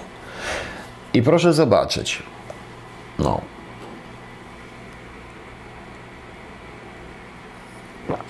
Yy, dobrze, przerwę. Na Sławek S. Na to pytanie odpowiem Panu wprost. Część oczywiście zostanie zamrożona, to się nazywa zamrożenie. E, część działań tej agentury, zosta, agenci zostaną zamrożeni. Część oficerów też na pewien czas prawdopodobnie przeformatują w ogóle swoje działania, z części zrezygnują, część rozpoczną w zupełnie inny sposób, ale to jest normalne przy tego typu dekonspiracjach. Nasz kontrwywiad powinien się nauczyć. Mam nadzieję, że się nauczy, że nie usiądzie i nie dostanie orderu i będzie się cieszył z orderu i zdyskontuje dalej tę sprawę tak, jak nie zdyskontowano mojej sprawy rosyjskiej z przyczyn czysto politycznych, więc mam nadzieję, że tak nie będzie. I już. Po prostu. No. E, dam jak no chyba jakiś kontrwywiad. No, no, mamy to w tym wypadku, twierdzę, że coś w rodzaju kontrwywiadu jest. Chociaż ja nadal uważam, że nie ma, bo dopóki nie powstanie instytucja w Polsce, o której mówiłem, która zwie się kontrwywiadem, ponieważ to jest tylko, ponieważ jedna jaskółka nie czyni wiosny, a wyjątek potwierdza regułę. Tak uważam, proszę Państwa. Tak po prostu uważam. Przykro mi. Tym bardziej, że Chińczyków jest z jednej strony trudno, ale z drugiej strony musieli być e, bardzo nieostrożni. No, no nieważne. Natomiast e, wracając do tych, ten pan musiał dostać dopuszczenie do tajemnicy, do najwyższych tajemnicy, prawdopodobnie datowskich i tak dalej, i tak dalej, czyli im wypełnić ankietę bezpieczeństwa. I to jest cyrk. Dlatego, że ja nie znam przypadku, gdyby ktoś, kto go od razu przyjmują na doradcę, a potem robią z niego od razu dyrektora, ktośkolwiek sprawdza mu tą ankietę tak dokładnie, którykolwiek pracownik by śmiał sprawdzić tą ankietę. Proszę sobie wyobrazić, i że ja nie wyobrażam sobie w Polsce posła, ministra czy wyższego urzędu państwowego, którego przepytuje jakaś poruczniczyna, jak oni mówią. Ja wiem jako podpułkownik, jak zrobiłem z ambasadorem cyrk do takiego jednego super wielkiego dzwoniąc, to przecież jaka była obraza, jak ja śmiałem z nim, tylko generałowie rozmawiają i ministrowie, a ja tu jakiś taki. Właśnie. Więc to jest, proszę Państwa, ten problem e, z tym wszystkim. E, oprócz tego, wśród całego towarzystwa, jakby robiono prawdziwą pracę operacyjną, ten pan nigdy by po pierwsze nie został dyrektorem, ponieważ krążyły również pewne informacje i plotki wśród pracowników, którzy go znali, a ja znam kilku. Rozmawiałem dzisiaj z kilkoma, którzy jego znają, zanim jeszcze był Piotr D, to już nazwisko, już znałem nazwisko dokładnie, kto to był. E, jak on był. Mówiłem, że się tam jakaś korespondencja z nim była, bo chyba chodziło o to, że on chcieli tam wejść w jakąś stację szyfrową musieli mieć naszą zgodę. Różne rzeczy, tam chyba na Białorusi czy coś takiego. E, tak, takie rzeczy, takie historie były wtedy. I nasze BPO, czyli nasz odpowiednik tam się z nimi trochę grzmocił, czy nie chcieli nawet nam zatwierdzić jakiegoś, e, dopuścić nam sieci do tajnych, czy takie różne tam historie, to zbyt fachowe, zbyt daleko by, zbyt dużo trzeba byłoby na ten temat mówić po prostu, a nie zawsze można. To już krążyły wtedy opinie, że ten pan lubi pieniądze, ma za dużo pieniędzy niż na tyle zarabia, że wydaje, że ma kłopoty finansowe, różne inne historie. Ale tak to jest w dopuszczeniach. Ja sam zadawałem kiedyś pytania, dlaczego pewien naczelnik z pewnej służby specjalnej, który miał teoretycznie niepracującą żonę, dzieci i tylko pensję naczelnika, ma dwa mieszkania, dom, dwa wypasione samochody i jeszcze jeden i jeszcze dodatkowo jeden pojazd, y, prawda? A potem wybuchła afera z dolara, z lewymi dolarami. No takie są różne historie, proszę Państwa. Zdarzają się. Y, byłem świadkiem również jak osoby, którym ABW nie chciało dać poświadczenia bezpieczeństwa z różnych powodów, dostawały w innej służbie, ponieważ uznawano to za złośliwość, bo taki, taki jest myk w tym wszystkim. Nikt tego nie sprawdzał. Y, wiem również i to opowiadałem, że prawie żaden wielki, kto przynosił dyrektor dyrektor i tam do zaufanych mówi, weź to szybko załatw, bo to widzisz, patrz co to jest. No i takie stanowisko, nikt tego tylko paradali, czy rubryczki wszystkie są wypełnione podpisiki, nikt nie sprawdzał, nikt nie dzwoni i jest do, do poświadczenie bezpieczeństwa. To jest, proszę Państwa, proteza, cyrk. Nie ma czegoś takiego jak bezpieczeństwo, tak na dobrą sprawę. Jeżeli ja słyszę od generałów różnych Dukaczewskich, czy genera, generała Dukaczewskiego, e, słyszę takie zdanie, to generał Dukaczewski chyba dokładnie się nie orientował, jak to naprawdę wyglądało na dole. Jak to rzeczywiście wyglądało. Jak sami po prostu tego, bo przynosi. Nie widzi, nie znam takiego. No I to było wszędzie po prostu. Poświadczenie bezpieczeństwa stanowi poza tym bardzo ciekawy instrument do wykańczania, do wykończania wrogów, zarówno politycznych, bo nie dostaną poświadczenia bezpieczeństwa i nie mogą sprawować funkcji, ewentualnie do e, wykończania e, niewygodnych oficerów, którym się zabiera poświadczenie bezpieczeństwa. Po to to jest. No. Y, to nie zmienia tutaj, bo ktoś powiedział tak, bo został rozmontowany i rozwalony i nie ma kontrwywiadu. No. I nie ma kontrwywiadu i już. I sądzę, że ta sprawa nauczy również, powinna nauczyć również polityków do tego, że zwykły poruczniczyna siedzący tym wszystkim ma o wiele więcej Y, o wiele więcej wiedzy na temat pracy służb specjalnych, pracy operacyjnej i zagrożeń niż pan po jeden pan poseł czy drugi pan minister po prostu. I już. No. I już.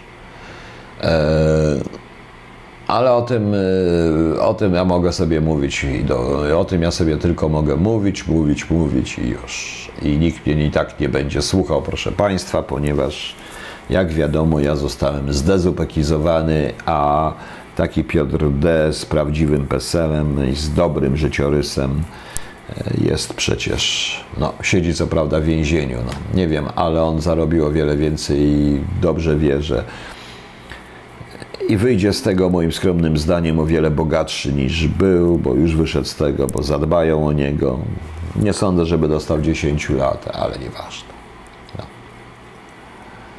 Aleks Frost, co pan powie o konferencji anty? Nie, jeszcze się tym nie zajmowałem, nie chcę dzisiaj o tym mówić po prostu. Yy, Nie wiem, czy on wyrobił 15 lat na emeryturę. Nie wiem, tak, tak daleko nie sięgałem po prostu na tego, do tego pana, po prostu wiem o tym. No ale się po prostu, ale zarobił sobie tak. Już. No. Dobrze, poodpowiadam teraz na jakieś pytania, proszę Państwa. Wybaczcie, ale naprawdę trochę jestem e, zmęczony, bo jestem trochę. Marek, nie Marek Tim. Kontrwywiad został rozwalony dokładnie razem z łopem. To jest tylko pogłębianie tego wszystkiego, co jest. Ja optuję cały czas za powstaniem niezależnej instytucji państwowej, która będzie się zajmować tylko i wyłącznie kontrwywiadem, a nie wszystkim, tak jak już kiedyś mówiłem. Tylko i wyłącznie kontrwywiadem.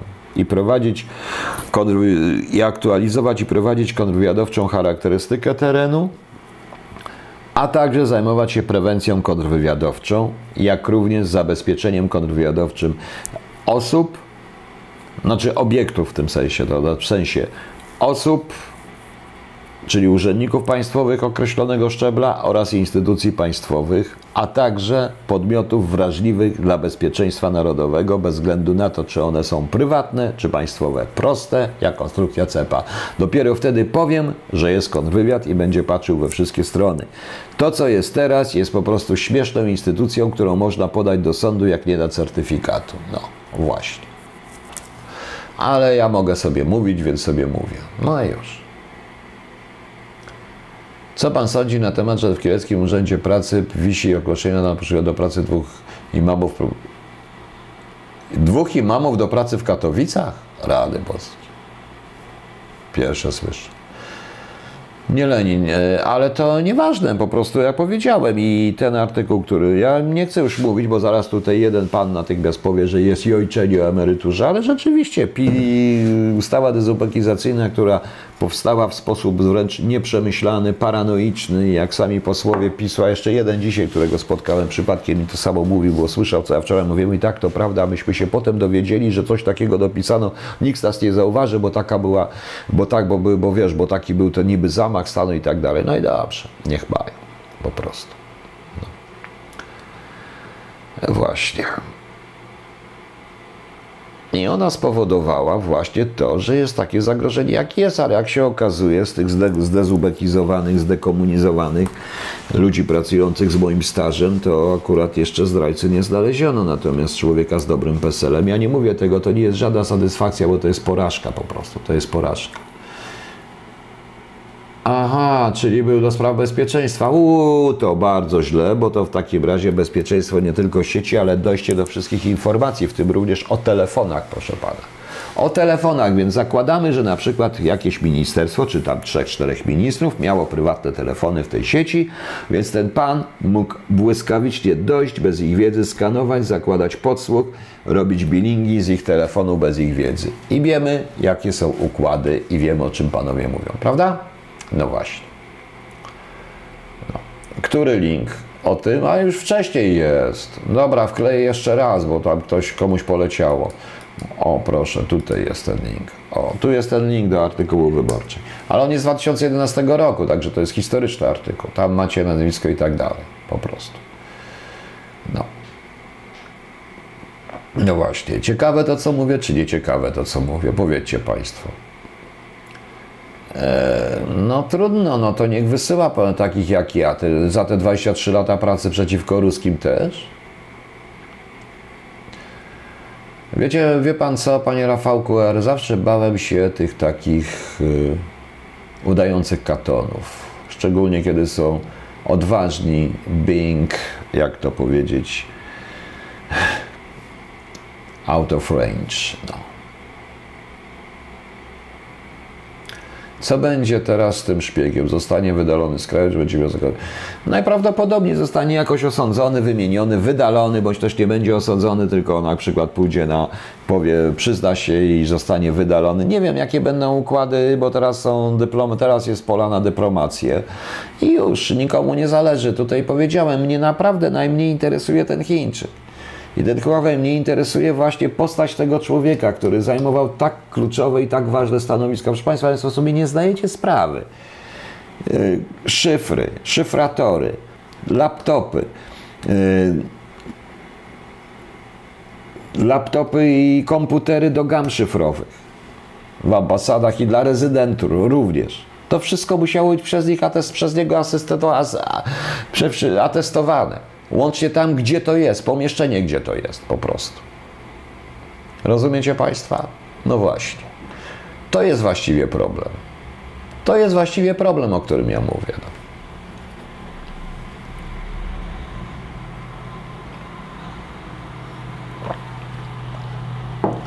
Co mamy dalej?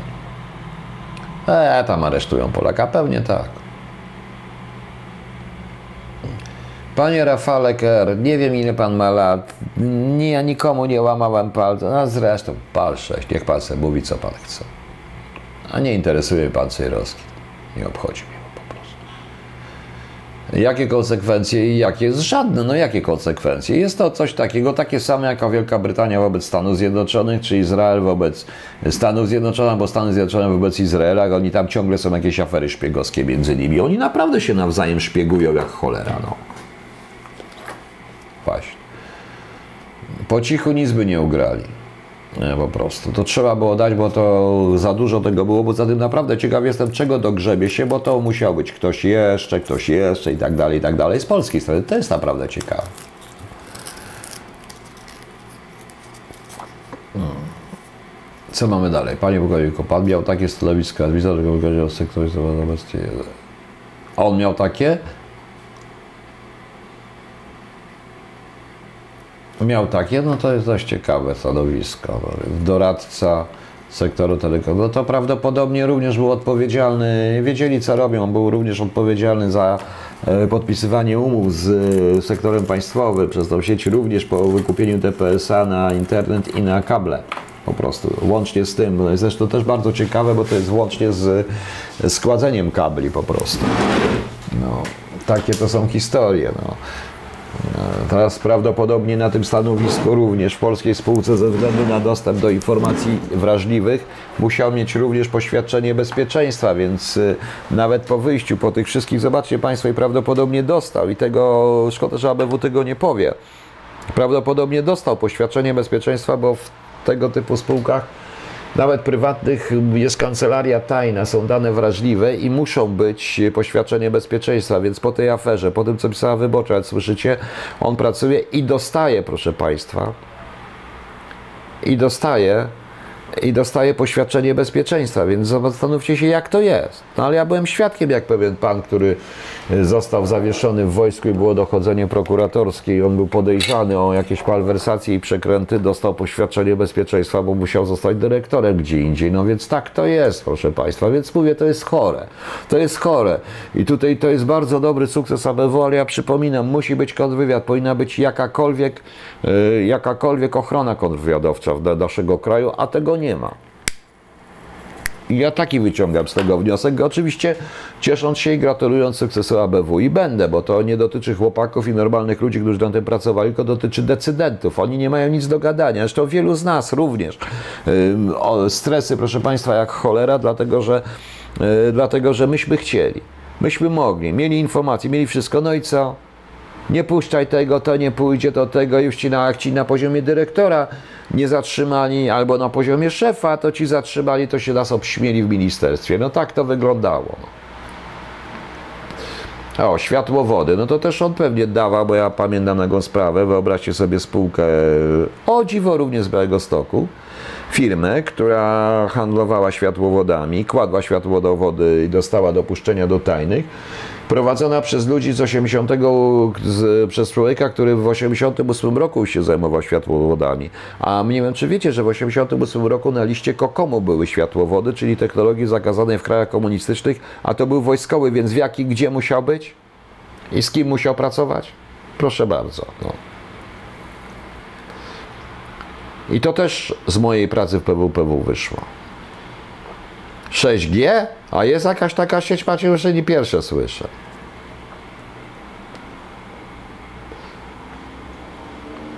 Nie mam żadnych układów, panie Andrzeju Baryszu, nie mam żadnych, wręcz odwrotnie. Jakbym miał układy, to nie straszyliby mnie sądami, komornikami, nie miałbym niespłaconych kredytów, niezapłaconych alimentów i nie miałbym 697 zł miesięcznie. Tak jest, proszę Państwa. I nie żebrał. Przepraszam, że tak mówię, ale to mówię, więc dajmy sobie już święty spokój, ok? No. Eee.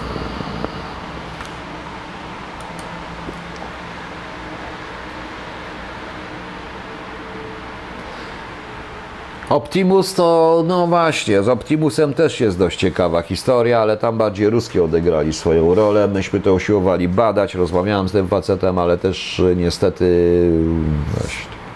Nie będę mówił tego nazwiska, nie będę wymieniał. Jest to wszystko, mam to wszystko, jest to wszystko na piśmie w poufnych raportach, które wykonując pracę zlecenie podpisałem klauzulę poufności, tylko mówię, nie, nie mówię szczegółów po prostu. No, za to zapłaciłem. Najciekawsze jest to, że przedtem była specjalna ta, ten deal z kulczykiem, żeby to sprzedać Francuzom. O, proszę Państwa, po gołym czarnym asfalcie jedzie i coś mi odśnieża. Nie wiem co odśnieża, bo już chyba nic nie pada.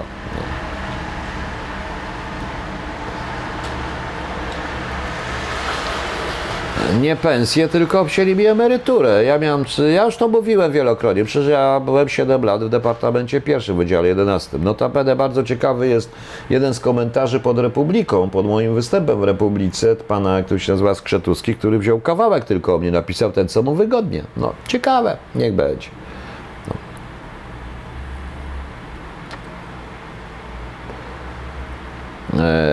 Skąd ja mogę wiedzieć, jakie są stawki za szpiegostwo? To wszystko zależy od osoby, od sprawy, ale na pewno to nie zawsze są pieniądze, to są także możliwości. Na przykład e, to są deale od deali procent od deali, ale tu w tym wypadku musiały być dość duże korzyści. Sławomir, ja też uważam, że nie ma 6G, jest na razie 5G i nie wiadomo. Uzbekistan. O ile wiem, to y, nie musieli mu zabierać, bo on miał o wiele mniejsze niż to, niż mówiła ta, ta e, po prostu. No. Co mamy jeszcze?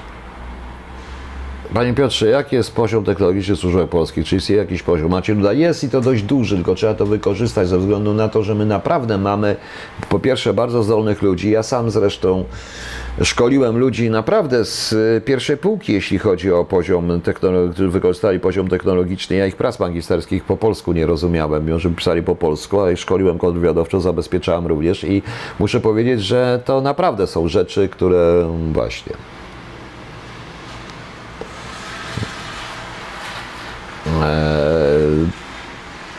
ciekawe. Eee, czekam na dalsze pytania, proszę Państwa.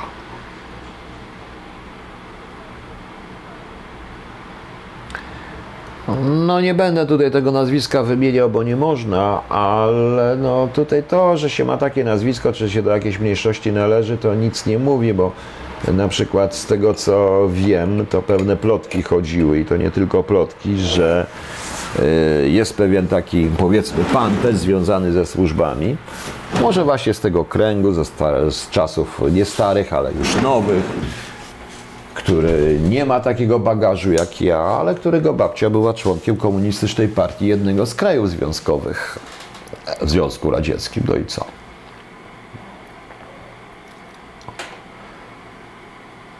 Że nie można wykorzystać ich potencjału. No nie wiem, można. Nie, nie będzie powrotu żywego SBK, ja już tam nie występuję również.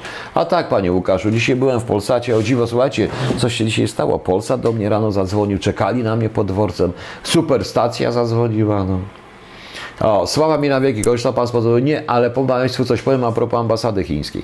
Jeżeli ktoś, yy, no nie mogę tutaj zdradzać, ale jest taki układ w Londynie, że jest ulica, jest polska ambasada i naprzeciwko jakieś, powiedzmy, tak jak ja mam naprzeciwko, po drugiej stronie Malczewskiego, nawet trochę bliżej, jest ambasada chińska, jest polska, jest chińska i akurat od tej strony bocznej e, jest e, stacja szyfrowa i w 2005 czy 2006 roku już po moim wyjeździe znaleźliśmy, ja zresztą sam zauważyłem, że coś tam się działo, znaleźliśmy ślady prób laserowych na naszych szybach, ewidentnie od strony chińskiej. Poza tym była jeszcze jedna rzecz, że Chińczycy mieli bardzo mocną technikę u siebie i mieli na dachu taką jedną antenę. Ile razy wchodziłem na dach, bo im filmowałem także dla Anglików to, ile razy wchodziłem na dach, to yy, zawsze się nagle pojawiało dwóch Chińczyków na dachu i blokowało tą jedną małą antenkę po prostu. Tak mieli ją zrobioną, że nawet z helikoptera nie było widać, ale w końcu udało mi się któregoś dnia zrobić im zdjęcie tego wszystkiego. To było naprawdę ciekawe po prostu, a to już fachowcy się tym zajmują.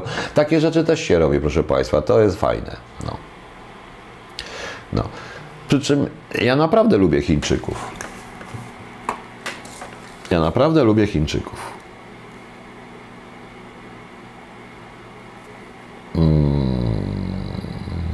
Coś mi coś tutaj napisał, więc muszę się zapytać, muszę mu odpowiedzieć szybciutko, proszę Państwa, bo to straszne. Właśnie, jeżeli mnie ogląda, to tak. Właśnie.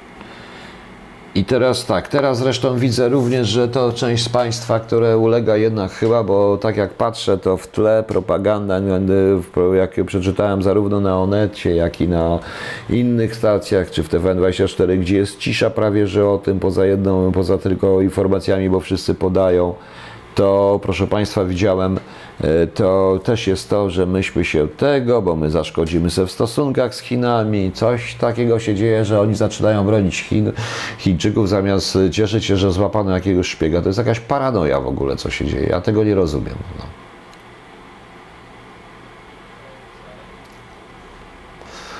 E, co mamy dalej? E, podsłuch za pomocą wiązki laserowej Rafagowi. I są takie możliwości po szybie i tam znaleźliśmy ślady na tym. Było tam specjalne badanie, jeździli nasi fachowcy, badali i rzeczywiście zauważyli to. No, e, zauważyli coś takiego. To się ciekawego. Tak, są drgania w tym momencie i dlatego między innymi wyciszano i dlatego kabiny ciszy mają specjalną folię i specjalne zabezpieczenia, czy stacje szyfrowe także mają specjalne klatki po prostu. No. Nie wiem jak wygląda dzisiaj nabór. No. Tak samo jak był, czyli niech pan lepiej, żebym nie mówił.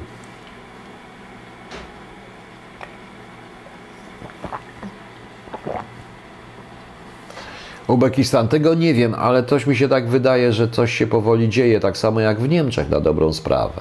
No, w dobrą sprawę. Tutaj jest naprawdę w tym momencie, zdaje się, ogromna walka pomiędzy e, przeciwko ekspansji chińskiej, przy czym również można E, Chińczycy w niektórych momentach mogą współpracować z Rosjanami, na przykład przy technologiach satelitarnych, bo przecież Amerykanie im nie dadzą, a Chińczycy współpracują z każdym, nawet ze swoimi własnymi wrogami, aby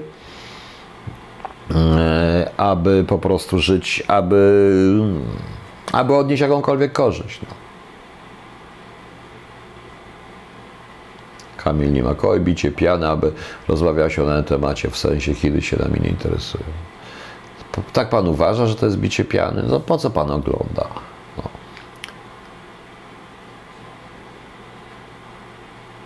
Mm, najprawdopodobniej, no, to były próby moim skromnym zdaniem. No. Po co nabór, skoro chętni młodzi ludzie chcą pracować dla kraju, a górna kadra obcina im skrzydła, tak jak pan Piotr mówi, nie idź tam bez sensu. Rafał Kozioł, to nawet nie o to chodzi, że obcina skrzydła, to po prostu jest w pewnym momencie urzędniczenie, natychmiastowe urzędniczenie, jak ja to mówię. W tej chwili nabiera się nie oficerów wywiadu czy oficerów kontrwywiadu, ale urzędników. No. Bo dzisiaj pan mnie irytuje. Nie, ludzie cały czas coś mówią i mówią złe rzeczy o mnie. Tu jest taka pani, która yy, ogląda. O temacie mówię pani. Jakim temacie? O tym, co ja mówię, Chiny się nami nie interesują. Tak pan uważa. No dobrze. Niech będzie co nie będzie. A pyta się skąd? Proszę pana, dla, jestem tak zmęczony, że przeczytałem sobie dzisiaj dla rozwoju umysłowego, odpoczynku umysłowego taką książkę Johnny Christensena, taki esej o jedności filozofii stoickiej. Arty ciekawy. Ontologia, czyli zasady i podstawowa jedność świata na przykład. Tu jest trochę o tu jest dialektyka, odnośniki, semantyka i syntaktyka. Bardzo ciekawe teoria wiedzy. O, tu proszę bardzo, mamy takie różne fajne, dziwne rzeczy, można się pobawić w tym. I tak sobie dzisiaj siedząc i myśląc co dalej nad życiem, nad kłopotami, postanowiłem umysł swój uwolnić i poczytałem sobie trochę o jedności filozofii stoickiej. czyli filozofii teoretycznej. Bardzo ciekawa, Jody Christensen. No. Ontologia, tutaj jest fizyka, czyli teoria materii w ruchu, dialektyka, czyli teoria wiedzy języka. Bardzo ciekawe, a akurat o tym, o czym mówimy, to jest bardzo wywiadowcze. No. A i także o tym, o szpiegostwie, etyka, czyli struktura teorii wartości i moralnego działania. Bardzo ciekawe. Warto sobie poczytać razem z Immanuelem Kantem, jeżeli ktoś chce. O, mamy tu nawet taką formę schematyczną, zasada, zasadę warunkowania. Proszę bardzo, proszę Państwa. Taki mądry jestem, zaraz coś napiszę, są mądre książki. No i oczywiście jeszcze mam tutaj, przypomniałem sobie niektóre fragmenty bardzo fajne, pokazujące pewnego rodzaju schizofrenię. E, I nie tylko, ale pewną ciekawą, bardzo ciekawą, dowcipną książkę, czyli Umberto Eco Cmentarz w Pradze. To jest naprawdę wspaniała rzecz i warto przeczytać. Takie rzeczy sobie czytam po prostu, żeby sobie czasami tak. E, pytanie. Helmut, Helmut, e, dy. Panie Piotrze, czy wierzy Pan jeszcze w polską młodzież? To znaczy chodzi o to, że teraz młodzież nie ma żadnych ideałów poza pieniędzmi i własną przyjemnością? Nie ma. Samo pytanie świadczy o tym, że Pan wierzy, że ma. I są ludzie, którzy mają, tylko trzeba tych ludzi, trzeba tych ludzi po prostu e, w jakiś sposób wykorzystać, zachęcić. I to jest właśnie najgorsze. Może dlatego ja przedstawiam różnych ludzi zwykłych, zupełnie zwykłych w tej swojej telewi- pseudotelewizji. Tak jak wczoraj pana Sławomira. Dobrze, ja wiem, że bo wam się wydaje, nie wiem, że ten, tam, to są różne dziwne hejty pod nim. Ale to jest autentyczna postać. To jest człowiek, który nie występuje przed kamerą, z którego nagle wyborcza zrobiła szpiega i, i sąd to uznał. No, więc warto. No. Więc może warto takie rzeczy wykorzystać. Teraz będę w przyszłym tygodniu przyjeżdża ktoś do mnie za własne pieniądze, też nie, nie śmierdzi groszem. Całą noc będzie jechał z pewnego dalekiego miasta w Polsce do Łodzi. Facet, który mi pokaże, jak przerobi się przekręty na tych. No. Przekręty na. Opowie Państwu zwykły, normalny człowiek, jak robi przekręty, jak się robi, jak robi się przekręty na spółdzielczości. Według tak zwanego kodeksu etycznego, który Instytut Lecha Wałęsy kiedyś zrobił, czy coś takiego. Więc dopiero zobaczycie. To, co ja robię, jest również pewną formą edukacji właśnie do ludzi nowych. No, a że się nie denerwuje? No nie denerwuje się już. Dziewięć błęd. Nie będę odpowiadał na to pytanie, bo Znaczy była rzetelnie. No powiem tylko jedno, ja o tym w kółko mówiłem. Nie było prawie żadnej weryfikacji, nie o to chodzi. Zweryfikowała nas praca w latach 90., a ukarani zostali ci, którzy się dali, którzy się zweryfikowali pozytywnie przez pracę. No, no i cóż. To. A nie wiem, co tu jest ta blok media, co to jest. Muszę zaraz zobaczyć. Zaraz zobaczę, co to jest, bo nawet nie wiem. Bardzo ciekawy nazwa automobilistów, się dowie sobie bardzo ciekawy nas polskiej formy. No. Eee, Stos z polskim samotem. Stoi tam bez podwozia. Nie, nie wiem, no może nie, nie, nie, dzisiaj o tym nie będę mówił. Dzisiaj o tym nie będę mówił, proszę Państwa. Ja już wiedzę, widzę, przeczytałem fragmenty. No. Co dalej? Maria masakracja ostatnio. Kto nadawał ostatnio, bo nie wiem. Nie wiem o czym mówicie. Zdawał Mogolika, Gdali, Ebend. Nie, nie znam, nie wiem kto to jest. No. E, nie mówmy tak, że młodzi to tylko disco polo, bo ja znam wielu młodych ludzi naprawdę zaangażowanych w to, co robią i chcą być zaangażowani w Polskę, ale no niestety zaczyna się od szkoły w tym momencie. Bartosz Kawa, czy dla wywiadu chińskiego, to jakieś rady. Być może jego śmierć została upozorowana i chyba wszystko jednak wynika, wszystko wskazuje na to, że została upozorowana, ale yy, że był to element wycofania jednak nielegała, wycofania źródła w ten sposób. Dlaczego, kiedy, nie wiem, przez kogo. Yy, zastanówmy się, czemu to miało służyć. Poza tym to była sprawa, którą powinna E, to sprawą, którą powinna e, zająć, tą sprawą powinien zająć się SKW. Nie wiem, czy się zajęło, czy się zajmuje, tego nie wiem. Po prostu nie siedzę przecież w tych sprawach.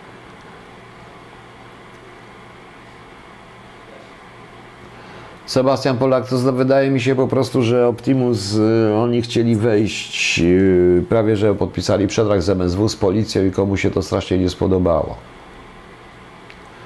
Dzisiaj pan powtórzył propagandę, się, no nie dowiedział się pan nic, pani Janie Nowak, trudno. No. Misiek PRL. Czy korzystać z tych telefonów, czy nie? Ja nie korzystam z chińskich y, urządzeń. Państwo to jest państwa wybór. Na pewno jakbym miał jakieś stanowisko państwowe, to bym raczej korzystał z innych urządzeń trochę. Helmut, Helmut. Żaden. Żaden. Po prostu się spod... prywatnie się z nim w ogóle nie spotykał. No, co to za, za różnica? No. Pańskim zdaniem nasi indiańscy z pańskiego plemienia się postarali, powali dwóch typów do ukończenia szlaku przed granicą Nie rozumiem. Może, no nie wiem. Jest możliwość się z Panem spotkać, porozmawiać osobiście. Miasto nie gra roli, chętnie zaproszono więcej. Jest możliwość, oczywiście. Mój telefon jest ogólnie zdany. Proszę wysłać jakiegoś SMS-a czy jakiegoś maila i wtedy odpowiem i już. No.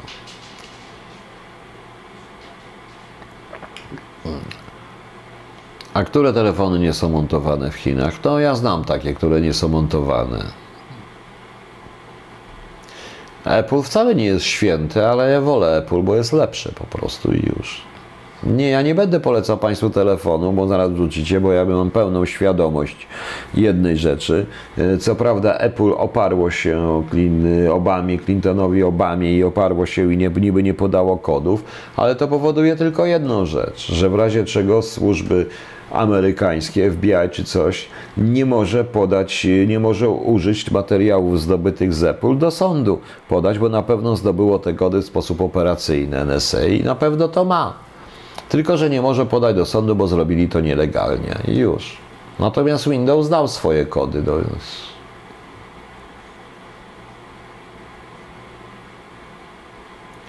Anna P. A ja nie wiem, czy ba. Ja nie rozmawiałem z dawno z. Nie rozmawiałem, w ogóle nie rozmawiałem z generałami. Ja nie znam generałów. Pewnie ma, jak oni wszyscy mają, uważają mnie za zdrajcę. Co ja mam? Anna P. Anna P. to jest pani Anna, która ostatnio tak ładnie pisała o mnie. Pani Aniu? To pani jest pani Aniu? A o co chodzi z tym Czepińskim? Coś, ja się nie wypowiadam na jego temat, on się nie wypowiadał na mój temat. No po prostu, o co Czy iPhone ma możliwości cut and paste? E, tak, ma. Ma różne możliwości. Nie, Apple jest dla mnie w ogóle o niebo lepsze i ze względów również tym, że premier na Apple mi śmiga i Wczoraj była aż przyjemność montowania tych filmów na tym, bo na Windowsie, no niestety, to szlak trafiał mnie do tego. W dodatku ten Windows zaczął mi ostatnio po jakiejś aktualizacji, też coś tam wyłączam, wyłączam, ale ten zaczął mi pokazywać jakieś dziwne rzeczy, jakieś cuda, jakieś historie, które mnie tak szlak mnie trafił po prostu. No. Misiek.pl, czy jest Pan za rozpadem UE, czy jednak nie, więc proszę o uzasadnienie. Miszku.pl, nie jestem za rozpadem UE, jestem za zmianą UE. Za powrotem UE do korzeni europejskich i do tego, co, że do uświadomienia wszystkim, że jest w Europie i zakończenia tego leninowsko-trockistowskiego eksperymentu, jaką w tej chwili jest UE. Jestem absolutnie za tym. Europa musi się integrować, ale w inny zupełnie sposób, z uwzględnieniem własnej, własnych narodowości i własnej tożsamości. A ta tożsamość powstawała razem z Pax Christiana, starożytności i w czasach w średniowieczu. I do tego, i do, tej, i do tych ideo, ide, znaczy ja nie mówię, że wróci do średniowiecza po prostu. I to powinno być, to, ten fundament ideowy Europy powinien taki być ale niestety on nie jest. No. I nikt nie chce rozpadu Europy, tylko nikt z kolei nie chce, yy, ci, którzy protestują i którzy, których się nazywa antyeuropejczykami, to problem polega na tym, że oni się nie godzą na Europę według wersji niemieckiej.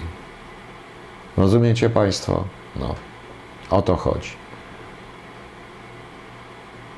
Hmm. Czy przestrzegał Pan Polaków przed kupowaniem rzędu Huawei? Helmut Helmut. Generalnie powiem szczerze, że tak, ale zupełnie innego powodu, nie zastanawiając się nad szpiegowaniem tego wszystkiego, bo ja osobiście uważam, że każdy z tych telefonów, łącznie z iPhone'em, dokładnie człowieka szpieguje, ale telefony służą do gadania, do różnych rzeczy, do, za, do zabawy, teraz to są komputery i musimy mieć pełną świadomość, że informacji tajnych i takich innych to się na tym zwykłym telefonie nie podaje. Natomiast osobiście uważam, że ten sprzęt jest do kitu, no ale to już inna sprawa.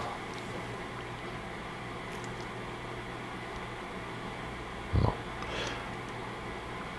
Co mamy dalej? Tomasz Obczak, Salvini, Kaczyński i Orban biorą, biorą władzę na wiosnę. E, tam biorą. Nikt nic nie bierze. E, nikt nic nie bierze, to nie jest takie proste, jak się komu wydaje. Obawiam się. Mm. Chińczycy epatują cenę, tylko że ta cena jest poniżej kosztów, moim skromnym zdaniem, wielokrotnie, więc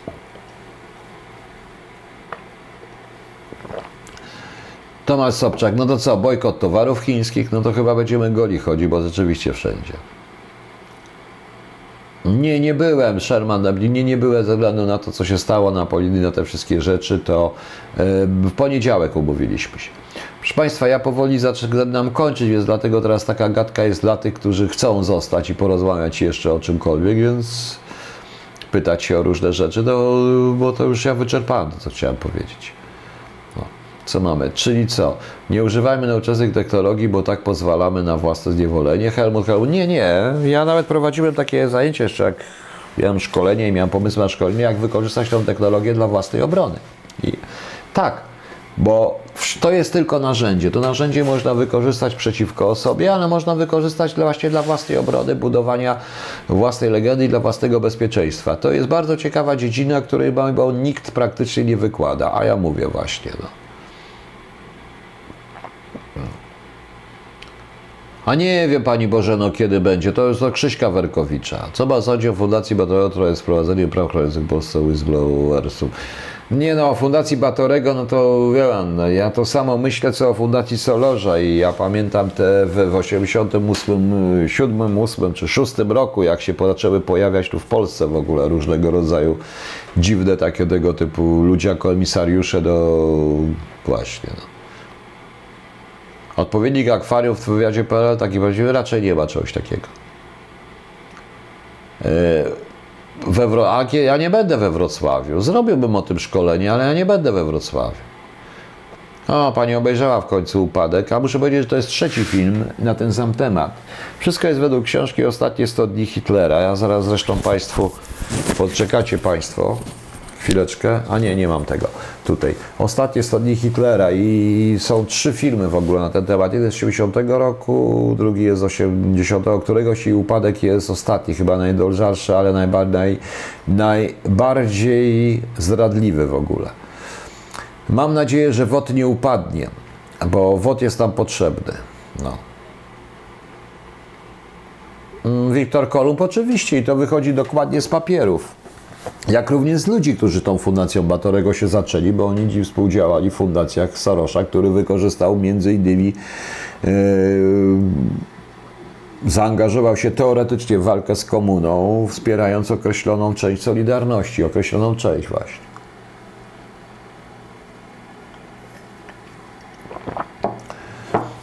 Tak, ale to nie jest na temat na KHT, Lutek 9, jak się przed tym bronić. To jest temat na zupełnie co innego. Jak pan myśli, na czy może się zwiększyć Playboy o tym, jak pani... Ale ona wystąpi w sesji zdjęciowej? Nie, wątpię. Jack Daniels mówiłem, że sądzę o sprawie Wisły Kraków. Uważam, że Wisła Kraków to jest historia, to jest część naszego dziedzictwa, jednak kulturowego, czy chcemy, czy nie chcemy. Klub z tradycją, tak jak Widzew Łódź, tak jak Wylegia Warszawa, Polonia Warszawa, to jest część naszego dziedzictwa kulturowego i powinniśmy wszystko zrobić, żeby ratować. Anglicy się angażowali w ratowanie Chelsea i nie tylko. Trzeba, bo to bez tego ja i dobrze, że jest Kuba Błaszczykowski, który postąpił tak, jak postąpił i są ludzie, którzy postępują, jak postępują.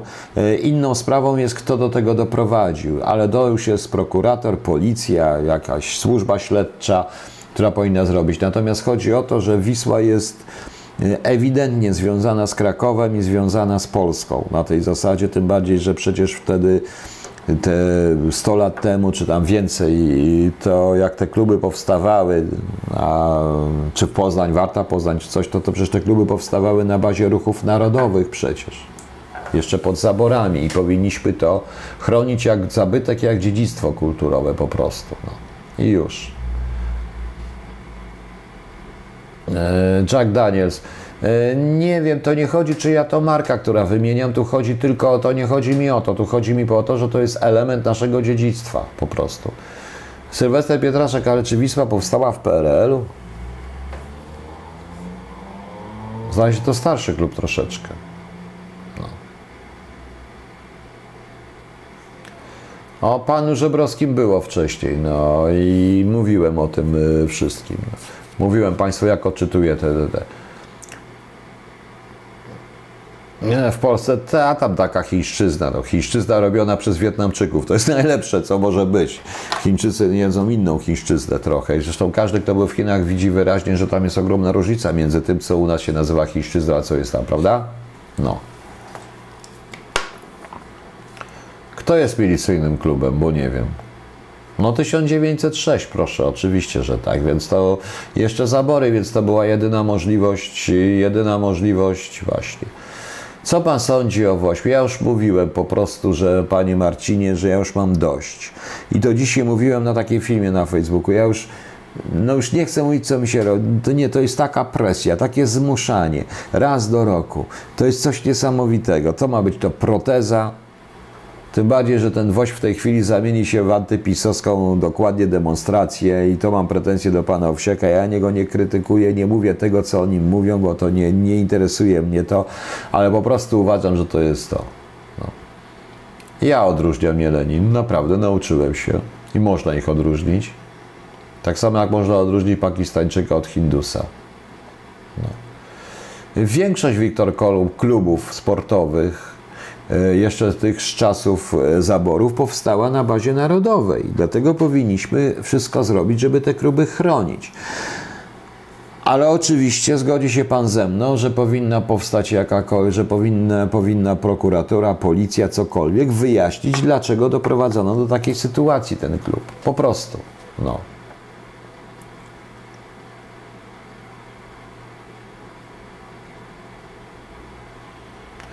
Anonymous USA, tak, ale ja nie o tak dobrze, to już jest sprawa prokuratorów innych rzeczy. Mnie interesuje tylko po prostu, y, mnie interesuje po prostu to, że teraz taka presja słyszę tutaj, bo to wychodzi w ten sposób, y, że jeśli nie dam, to jestem wstrętnym człowiekiem. Jest chore. To jest chore, tak nie może być.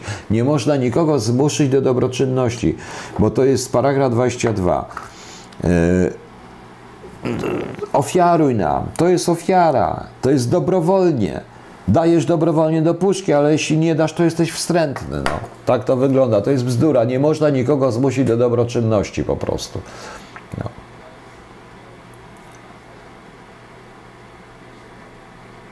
Barbara Klikowska, tak, chronić kluby, no ja o tym mówię, bo po prostu nie wiem, nie wiem, i dla mnie też było zaskoczeniem, nie wiem co tam się działo, nie interesuję się tym tak bardzo, no ale wiecie Państwo.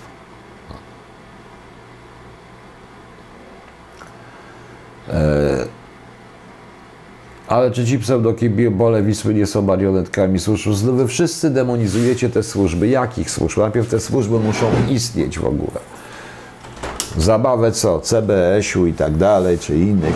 Nie traktujcie jako służby, ja powiedziałem, na mnie służby specjalne to wywiad i kontrwywiad, cała reszta to są służby policyjno-fiskalne, nie oznacza, że są mniej ważne i gorsze, ale na tamtych się nie znam, więc nie będę mówił denerwuje mnie, jak oni się z kolei wypowiadają na temat rodzajów i jakości szpiegostwa i zmiany w, w szpiegostwie, jakby wiedzieli, jak oni wiedzą, co to szpiegostwo, przecież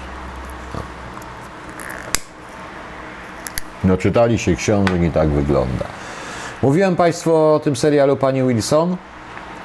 Może być ciekawie. No. Może być, e, może, może być dość ciekawe e, po prostu. No właśnie, Caritas pomaga.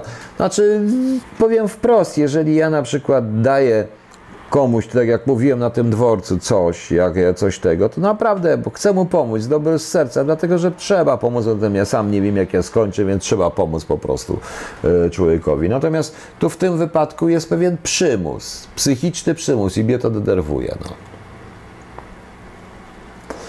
TVN szaleje, co chwila. Te, orkiestra, będzie granie, nowe te. No dobrze, że no bardzo dobrze, tylko przy okazji jest to również usprawiedliwienie dla państwa, a politycy lgną, szczególnie w tym roku będą lgnąć, bo pomyślą, że jak ja dam do puszki, to będę miał więcej głosów od razu. No to jest chore, proszę państwa. No. Ważne pytanie, dlaczego pan nie chce być politykiem? Komentowanie w internecie jest fajne, ale i bardzo niebezpieczne. Helmut Helmut. E, proszę pana, mam na to jedną odpowiedź. Jestem po prostu inteligentny. Wierzy pan? Wierzy pan? Mam poza tym honor, jaki taki, ale mam. Ogromne poczucie uczciwości też mam. I wiele więcej cech, które skreślają mnie z polityki. Po prostu. No właśnie, ja nie wiem, gdzie tam pani Wilson można zobaczyć, nie powiem, gdzie ja zobaczyłem i jak zobaczyłem, ale naprawdę warto. No. No. Na chwili jest dostępny, to tak, ale naprawdę fajny jest, naprawdę. No. Zamiast pośredników płacić nie Lenin. Wpłacić na NFZ to stracić te pieniądze po prostu, w ogóle.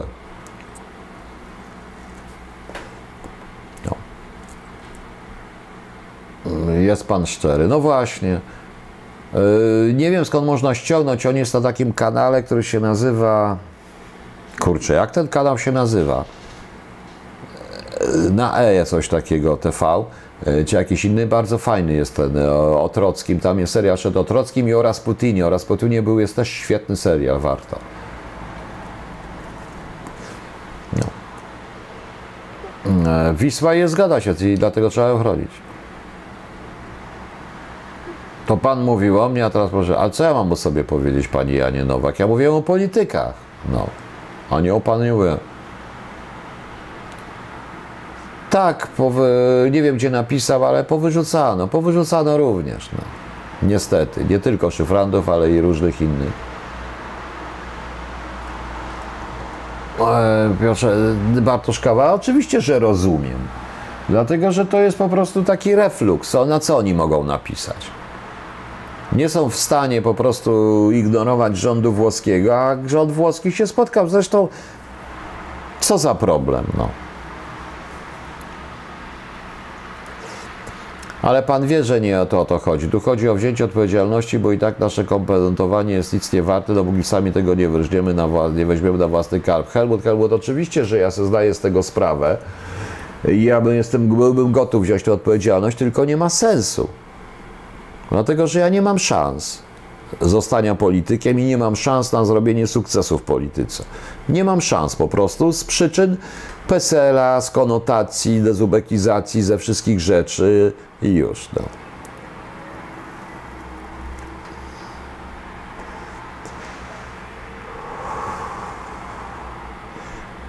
Spotkał się, no, no spotkał się, a z kim się miał spotkać? No spotkał się z tym Salvinim, no i to mógł się spotkać. Jakby przyjechał tutaj na przykład Merkel, też by się mogła spotkać, jakby chciała. No wielki mi problem. Ja nie rozumiem, no po prostu o czymś trzeba pisać, więc oni o czymś piszą, czegoś się czepiają po prostu. No. Zresztą zaraz Państwu powiem, jak to tak naprawdę wygląda. Poczekajcie chwilkę. Yy, tu nawet nie chodzi o Salviniego, tylko proszę zobaczyć tytuły. Iran do Polski. Ci, którzy brali udział w ostatnim antyirańskim show USA są martwi albo zhańbieni. No właśnie, jakaś tutaj bzdura, prawda? No. Dalej, Suski, o złocie sędziów zakopanych w ogródkach. Afera szpiegowska. Czy Chiny zdecydują się na tego? Minister zmienia wersję w sprawie dzików. 40-latek na emeryturze to paranoja. Jerzy Owsiak, jestem bardzo wzruszony. Czy zarobki w powinny być jawne? Zobaczcie, zobaczcie te tytuły. Zobaczcie te tytuły, proszę Państwa. O jakieś surowe konsekwencje po programie TVP Info, tylko nie wiem jaki. Dyrekcja telewizyjna to potępia powielanie antysemickich stereotypów. Nie ma na to zgody, dlatego wobec osób odpowiedzialnych za incydent w ostatnim programie minęła 20 zostaną wyciągnięte surowe konsekwencje. Animacja autorstwa Barbary Pieli. Nawet nie wiem, co to była za animacja i o co tu chodziło. I o co tu chodziło w tej. No. Nie wiem. Nie wiem o co chodzi, jakie skojarzenia, nie wiem zupełnie o co chodzi zupełnie, ale coś takiego było, to też jest ciekawe, nie wszystko oglądam. Dziennikarz zwolniony z GW, apel w jego obronie. Piotr Wesołowski, wielki dziennikarz GW w Łodzi w połowie grudnia zostaje zwolniony z Agory. Apel w obronie przedstawicieli władz miasta i tak dalej. Ale to Agora go zwalnia, a nie rząd, więc nie wiem o co chodzi w tym momencie, a tutaj już jest tle, bo to jak PiS, to PiS jest winien za to. No. Niech zwolnią naczelnego po prostu z Gazety Wyborczej, czemu nie? Proszę wybaczyć, ale brak panu wiary. Już pan osiągnął sukces, proszę spojrzeć na wyświetlenia. No tak, ale to jest sukces w internecie. To cię nie zawsze przekłada na sukces wyborczy. Nie, proszę państwa, no bo to w tym momencie musiałbym stanąć w jakichś szrankach, w jakiejś partii z kimś tam, a ja. No. no. Czyli jednak pan nie ma szansy. Ja potwierdzam ten, ja przecież cały czas to mówię że trzeba to rozwalić i na, ja, z czego mógłbym stanąć? Nie wiem. Ktoś dzisiaj do mnie dzwonił, pytał mnie, informował, że chce ze mną rozmawiać, nie chce mówić tutaj szczegółów na temat jakiejś tam działalności i startu, nie wiem, porozmawia w przyszłym tygodniu i zobaczymy. No, no właśnie, media zajmują się pierdołami, mam rację. Andrzej Mariusz, Piotrze, na jaką cholerę polska zbrojeniówka kupiła 100 kuchni polowych? Wie pan, ja też bym chciał wiedzieć, na jaką cholerę kupiono 100 kuchni pol. Może to są specjalne bojowe e, te, e, jak to było? KBKS, jak kiedyś mówiono krótki bojowy KBKB, tak? Krótki bojowy kij samoobro, do samoobrony, kij jakiś taki tam był. KBKB, tak, krótki bojowy kij bambusowy a tutaj te kuchnie pomocy to są specjalne kuchnie polowe z, z, nie wiem, z zapłonem czy z czymś tam, nie wiem po prostu po co. Niech pan mnie nie pyta, ja sam nie rozumiem niektórych decyzji. No. Trendsetterem. Co to jest trendsetter? Nie wiem, co to jest trendsetter. A co to jest trendsetter, pani Aniupę, bo nie wiem. No kuchnie polowe. No może są potrzebne, może będą robić jakieś te dla ludzi, grochówkę będą gotować, jak oni zwykle gotują tą nieśmiertelną grochówkę. No. Zostanie Pan jeszcze posłem i się zdanie i poglądy zmienią, ale kanał. No nie, u mnie się już nie zmienia, ja nie mogę tam. Catering na poligonie, wstyd. Teraz jest catering. No. Co to książka druga od góry? Gdzie druga od góry? Która? Ta? To? A to mówiłem o tej książce. To jest Ostatnia wojna. To jest taki political fiction. Wyszedł zamach z Stauffenberga, ale Himmler przejął władzę. E, dość ciekawe political fiction. No. E, które medium pan ceni w propagandzie? To nie, to każde z tych mediów jest zupełnie inne. To umiejętność propagandy. GW raczej nie. GW w tej chwili nie, ale TVN ma bardzo umiejętną propagandę, oni mają pieniądze i oni są nieźle przygotowani i dlatego trzeba ich oglądać. No. A ja nie wiem, kim jest pani Mosbacher. To dla mnie to jest ambasador USA. Kim ona jest dalej, to jest wtórne. No. Rafał, który przejmie. Tak, to będą specjalne kuchnie polowe dywersyjne po prostu. No. Jak, jak, jeśli chlebak, jak sama nazwa wskazuje, służy do noszenia granatów, to pomyślcie, do czego może służyć kuchnia polowa. No właśnie, to jest jakaś kuchnia dywersyjna. Czy polski wywiad ma dostęp do technologii łączności dzikom? Ojej, sława mi na wieki, tego nie wiem. A jak wiem, to nie powiem. Chyba takiej nawet nie ma. Chińskie zupki będą chińskie zupki. To nie potrzeba kuchni polowych do chińskich zupek. E, czy ta narracja, że w Polsce i tak nie ma co szpiegować i wszystko jest jawne, nasze będzie ktoś w życiu, czy oni są tak głupi? Shadow SF. E, znaczy, Wie pan, ja bym się bardziej zgadzał, gdyby pan tak ostro tego nie sformułował z drugą, bo po prostu są tak, no są po prostu tak mądrzy inaczej, no.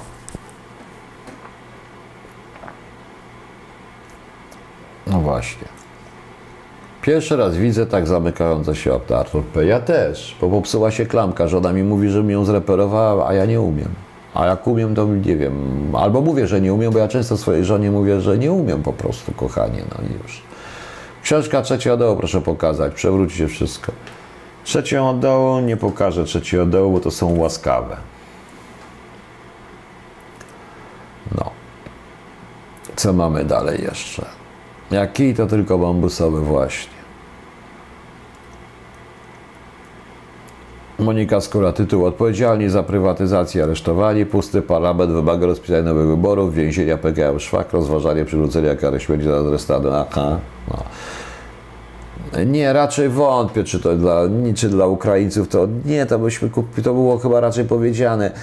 Ja nie wiem, te, oni w tej chwili w tych zakupach, ale wiecie, nie ma w Polsce żołnierzy, no. są generałowie. No. Marcin Duda, Polek przy klamce. Nie Polek, tylko mi się nie chce. No proszę pana, ja mówię żonie, że nie umiem. A co umiem? No, ale Rosji Radio, magnetofon Mac. Kiedy to było? No. 15 zł za klamkę i dwie sztuki do wracania, dwie minuty roboty. No dobrze, ja to kiedyś przykręcę, jak mi się będzie chciało. Wcześniej ciekawe pytanie opowiadał mediach, czy jest możliwe stworzenie medium całkowicie pozwionego? Nie.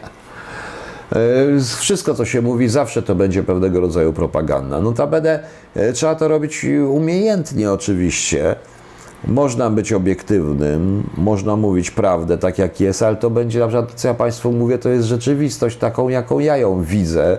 Staram się odbrązowić, mówić, staram się było jak najwięcej w tym prawdy, ale yy, proszę Pana, yy, nie jestem yy, wolny od solipsyzmu, bo nikt z nas nie jest wolny od solipsyzmu. Pan albo pani Helmut Helmut to Helmut, Helmut, piekielne błoto, piekielne błoto, to może być i dama, i kobieta, i mężczyzna. Więc pan widzi najprawdopodobniej kolory również troszeczkę inaczej niż ja, inne odcienie. Na tym to polega po prostu. No. No, te grające ławki zdaje się już się popsuły troszeczkę, bo okazało się, że jednak konserwacja kosztuje. No. Żony wiedzą, że większość mężów nie daje się do drobnych remontów. Zofia Czarnecka. Żony nic nie wiedzą. Żonom się wydaje tylko, że wiedzą. Po prostu żony myślą inaczej, a mężowie myślą inaczej. Mężowie myślą globalnie, systematycznie, a nie koncentrują się na drobnych szczegółach niepotrzebnych w tej chwili zupełnie. No.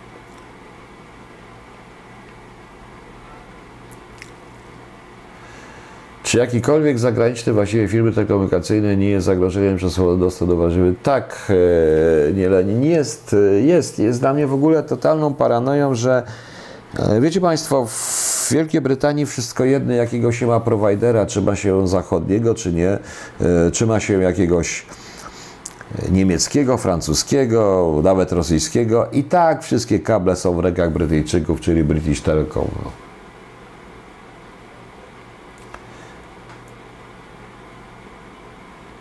Ups, straciłem się akcentem właśnie. Dobra grochówka, tylko ze starych kodów przypalona troszkę. No, może na woź kupili te kuchnie polowe na woź. Oni? Niech będzie. Także zupełnie nie wiem. No. Anna P. Mężą, tak się wydaje. Mężom się nic nie wydaje, mężowie to widzą. Mężowie, wiecie, wie pani, na udane małżeństwo Potrzebne, potrzebne mężczyźnie są dwie rzeczy. Po pierwsze, trzeba mieć tak zwanego okresowego Alzheimera i głuchotę wybiórczą po prostu. I wtedy małżeństwo jest udane. Proszę pamiętać. Pana Piotra małżonka to mądra kobieta, nie zważa deszczowemu. Tak, moja małżonka to nie tylko, że mądra, to jeszcze jest cierpliwa do mnie, bo ja sam do siebie nie jestem tak cierpliwy. Sam na siebie się często wściekam. No. Mm, mąż myśli, że kiedyś to zrobi i jest mu z tym fajnie. Mąż wie, że może to zrobić. No. Tylko po co? Był pan w wiadomościach Polsacie? Byłem, byłem. Czy funkcjonuje już ten y, złoty rączka dla emerytów? A jaki? Bo nie wiem nawet, czy funkcjonuje, ale chyba nie. Panie Piotrze, ma pan wiedzę, jakie są możliwości NSA? Czy przed nimi jakiekolwiek bariery? No raczej są bariery. E, bariery są proste. E, barierą jest człowiek, bo dlatego, że bariery polegają na tym, że to wszystko trzeba zinterpretować. Natomiast teoretycznie możliwości są naprawdę duże, ogromne i praktycznie nieograniczone. Nie wszystkie jednak da się wykorzystać przeciwko człowiekowi w sensie prawnym, ale wszystkie da się wykorzystać w sensie operacyjnym. Jest to pewna różnica, o czym mówiłem, e, proszę Państwa. I ja jestem pewien, że oni to rzeczywiście wykorzystują. Przy czym, jak pokazał 11 września, interpretacja tego wszystkiego budzi, jest też problemem, bo to trzeba jednak te miliardy danych, miliardy na sekundę, w jakiś sposób zinterpretować. Trzeba tworzyć algorytma, do tego potrzebny jest człowiek. No właśnie, prezydent Warszawy taśmą mi to przyklei już. No. Witel Kolum, pogratulować czego? Haha, dla mnie błoto jest dalej brązowe. Moja myśl wyłącznie będzie utworzone bez udziału ludzi za pomocą BSI, może być pozbawione problemu. O, też nie, też nie, też nie, bo to będzie algorytm, który się tworzy. Proszę zobaczyć taki film Brexit. O, o nim wczoraj mówiłem, zdaje się. To bardzo ciekawy film, w którym właśnie to jest poruszone. Tam, gdzie ci starzy posłowie, to jakbym był u nas, oni nie rozumieją tego, co się stało. Oni rozumieją, że od tej telewizji o wiele ważniejsze są na przykład komputery, media społecznościowe i algorytmy Facebooka. I tam jest pokazane dokładnie, w jaki sposób ku przerażeniu tych, którzy teoretycznie byli za Brexitem, ale chcieli zrobić jakiś nacisk, yy, po prostu zagrać trochę, okazało się, że wygrali to referendum. I na przykładzie mera Londynu zostali, byli przerażeni dosłownie. I to jest świetnie pokazane w tym filmie. Brexit, film z 2018 roku, warto obejrzeć. Czy pan uważa pan, że obowiązkowa służba wojskowa była dobrym rozwiązaniem? Bo ja uważam, że tak. Ja to, wie pan, ja nie mogę panu zaprzeczyć, bo ja uważam, że była. No, że była. Coś się ci faceci nauczyli. No. Na czym Brexit, Anna P. Brexit jest na Netflixie. Nowy film Netflix, bardzo ciekawy zresztą. Z punktu moralnego dopuścił Pan możliwość tortu jeńca, który posiada wiedzę na temat podrządzenia gdzieś bomba atomowej. Był kiedyś taki film, nie pamiętam. Tak, film się nazywał Bez reguł. E, jak się nazywa ten aktor, który grał główną rolę, bo główną rolę tej bab kobiecą, tej agentki FBI grała ta, która grała w Matrixie. E, ta kobieta, e, aktorka znaczy się. Nie. Nie. To jest pytanie Stalina typowe. Nie. Nie jestem przeciwny, bo tortury nic nie i ten film e, przynosi jednak rozwiązanie, że e, tortury nic nie dały. Bomba ostatnia, ta, o którą naprawdę chodziło, wybuchła. Także to nie, nie chodzi o nawet tylko, nie, nie mówię już o moralności, bo jeśli ktoś przeczyta historię, to wie również, że w średniowieczu Kościół yy, już zakazywał tortur, uznając, że tortury są, e, że tortur, zeznania wymuszone na torturami są niewiarygodne. I to się, i to wbrew pozorom, o tym mało kto mówi, to z tego zrezygnowano. No. Shadow SF mógł być. Tak mógł być, dlatego że nie ma chyba przypadków. No, no Samuel Jackson, e, właśnie. Samuel Jackson, no właśnie, on grał, on grał rolę tego torturującego. Film bardzo ciekawy zresztą. No. Zresztą on sam w te, nie wierzy w te tortury, tak prawdę mówiąc. On tylko to robi po prostu. No. Czy moralność osłabia nasze służby w zetknięciu z moralnością chińską? Nie Lenin, moralność chińska jest bardzo skomplikowana, bo poza tak zwanym patriotyzmem jest to także przymusowe. W 2003 roku e, zastępca szefa ochrony ambasady chińskiej w Londynie, gdzieś mam jego wizytówkę, opowiadał mi, że on tam przyjeżdża najpierw na dwa lata bez żony. Żona i musi zostać u nich razem z dzieckiem. Może przyjechać e, do niego raz na rok dziecko samo, bo żona wtedy zostanie, na koszt państwa oczywiście, albo, albo potem żona sama, ale nie dziecko. I to jest ta ich moralność, to jest ich wymuszanie patriotyzmu w ten sposób. Oni są zakładnikami i oni o tym wiedzą i godzą się na to.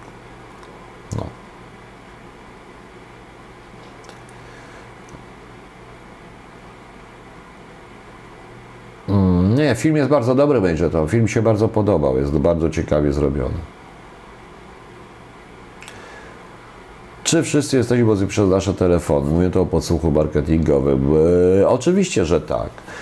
Może przez stare Nokie nie, ale przez e, te. A proszę Państwa, od kiedy pojawił się w telefonach od razu WAP i tam jest coś takiego jak e, opcje czy programy operatora, coś jest taka, ja muszę, ja nie wiem jak to się nazywa, czy programy karty SIM chyba, bo tak chyba mam w tym.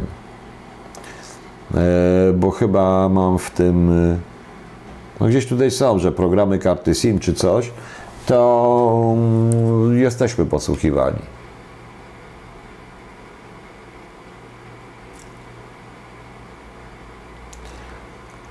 Od trzech, mm, od trzech minut duchy chodzą. Jakie duchy? A, 004, no. Deprywacja historyczna to powiedziała dobrze, to dobrze, niech tak będzie. E, dobrze, proszę Państwa. To już dziękujemy, bo rzeczywiście już po północy.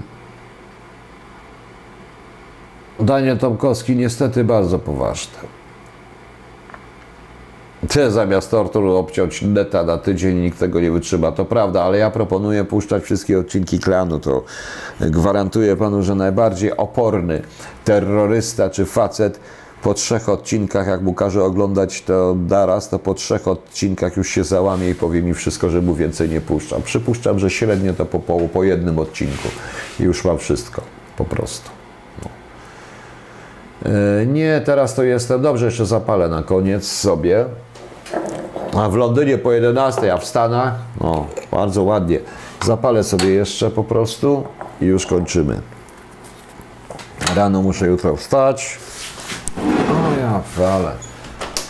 No, dobrze. Mogę się chwilkę prześpię już. No właśnie. Jak pan widzi Brexit? Jak się skończy? No jest właśnie ciekawe. Nikt nie wie, Anglicy sami nie wiedzą, są przerażeni. Oni chcieli tutaj coś zrobić, ale trochę postraszyć, a niestety zatrudnili człowieka, który wziął się poważnie do roboty i tak wyszło. Ciekaw jestem, ile w tym ruskich jest i Niemców, dlatego że wywalić po prostu Anglików z Europy to powrót do Kaisera Wilhelma. Już. A, na HBO Go. No to na HBO jest Brexit, przepraszam, nie na Netflixie, tylko na HBO. Och, sorry, pomyliło mi się. Ewa Davey, u nas po 18, to gdzie pani jest po 18? O, to Stany Zjednoczone gdzieś tak. No.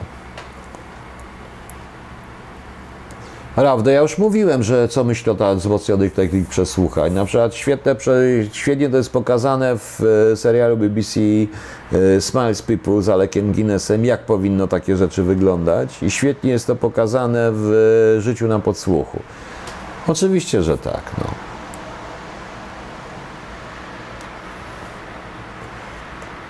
I Painter. Po co szpiegować którym zaraz, zaraz. No, po to, żeby mieć ten, po to, żeby mieć, no wiadomo co. No. Po to się to nie jest szpiegowanie, to jest tworzenie za pomocą operacji wywiadowczych i agentury. Jest to tworzenie, yy, jakby to powiedzieć, jest to powodowanie określonych zakowań decydentów po prostu już.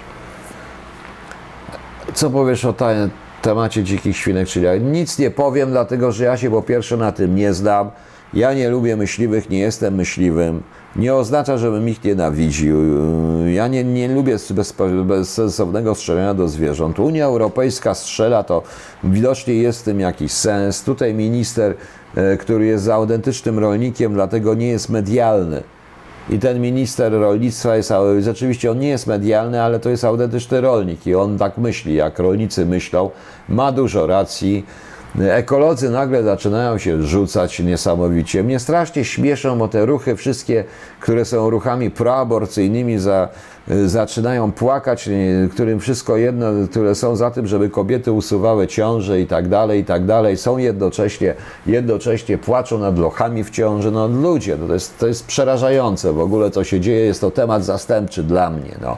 Przypomina mi się, jak była choroba wściekłych krów i jak Anglicy wszystkie, całe po głowie po prostu wybili, no, bo musieli. Też jaki był płacz straszny, ale Ekolodzy, ekolodzy jakoś nie protestowali, a tu protestują. Zresztą właśnie. No. Poza tym dzik jest dziki, dzik jest zły. Dzik ma bardzo ostre kły. Kiedy, gdy w lesie zobaczysz dzika, to na drzewo szybko zmykaj. To brzechwa, zo. Tak pamiętam już. 11 września, Buszczy Al-Kaida, co z podoszywy powiedział Marcin Duda, no zawsze to budzi teorii spiskowych, a ja w ogóle przypuszczam i wiem o tym nawet, bo żeśmy rozmawiali wielokrotnie, że to wszystko jest po prostu degrengolada służb. No. Tak śmieszą mnie filmy o szpiegach. Nie wszystkie, ale niektóre e, śmieszą.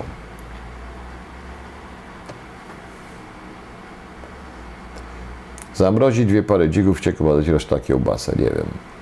Więc niech ekolodzy tam się tego nie mają, co to teraz będzie dzik, jak się skończy. Był jakiś kornik, teraz będzie dzik. Fachowcy mówią co innego, myśliwi co innego. Nikt nie chce nikogo, e, nikt nie chce nikogo po prostu tutaj, tak jak oni mówią, wybijać po głowie. O Jezu, coś strasznego.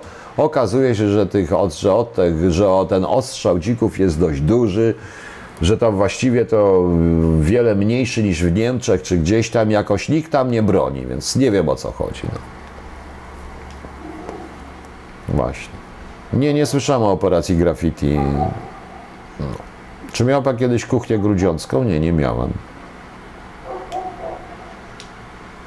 O szpiegach dobry film był Spy Game. No tak, Spy Game wiem, kazali mi zobaczyć Spy Game z Bradem Pittem. Ktoś powiedział, że yy, ja przypominam bardzo tego, co grał Redforda ze względu na podejście do kierownictwa, do służby i do wszystkiego. No ale dobrze.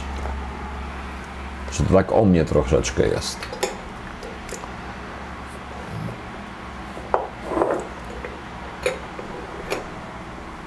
Miś to najlepszy film szpiegowski, zgadza się. Także nie wiem, nie wiem, proszę Państwa, nie pytajcie mnie o to. Ja generalnie mam bardzo ambiwalentny stosunek do myśliwych. Jestem przeciwny zabijaniu zwierząt, a jeśli tak, to ręcznie, więc proszę iść na niedźwiedzia ręcznie, tak jak to było w tym, jak Jagienka szła, nie kurde, na ten i już. No.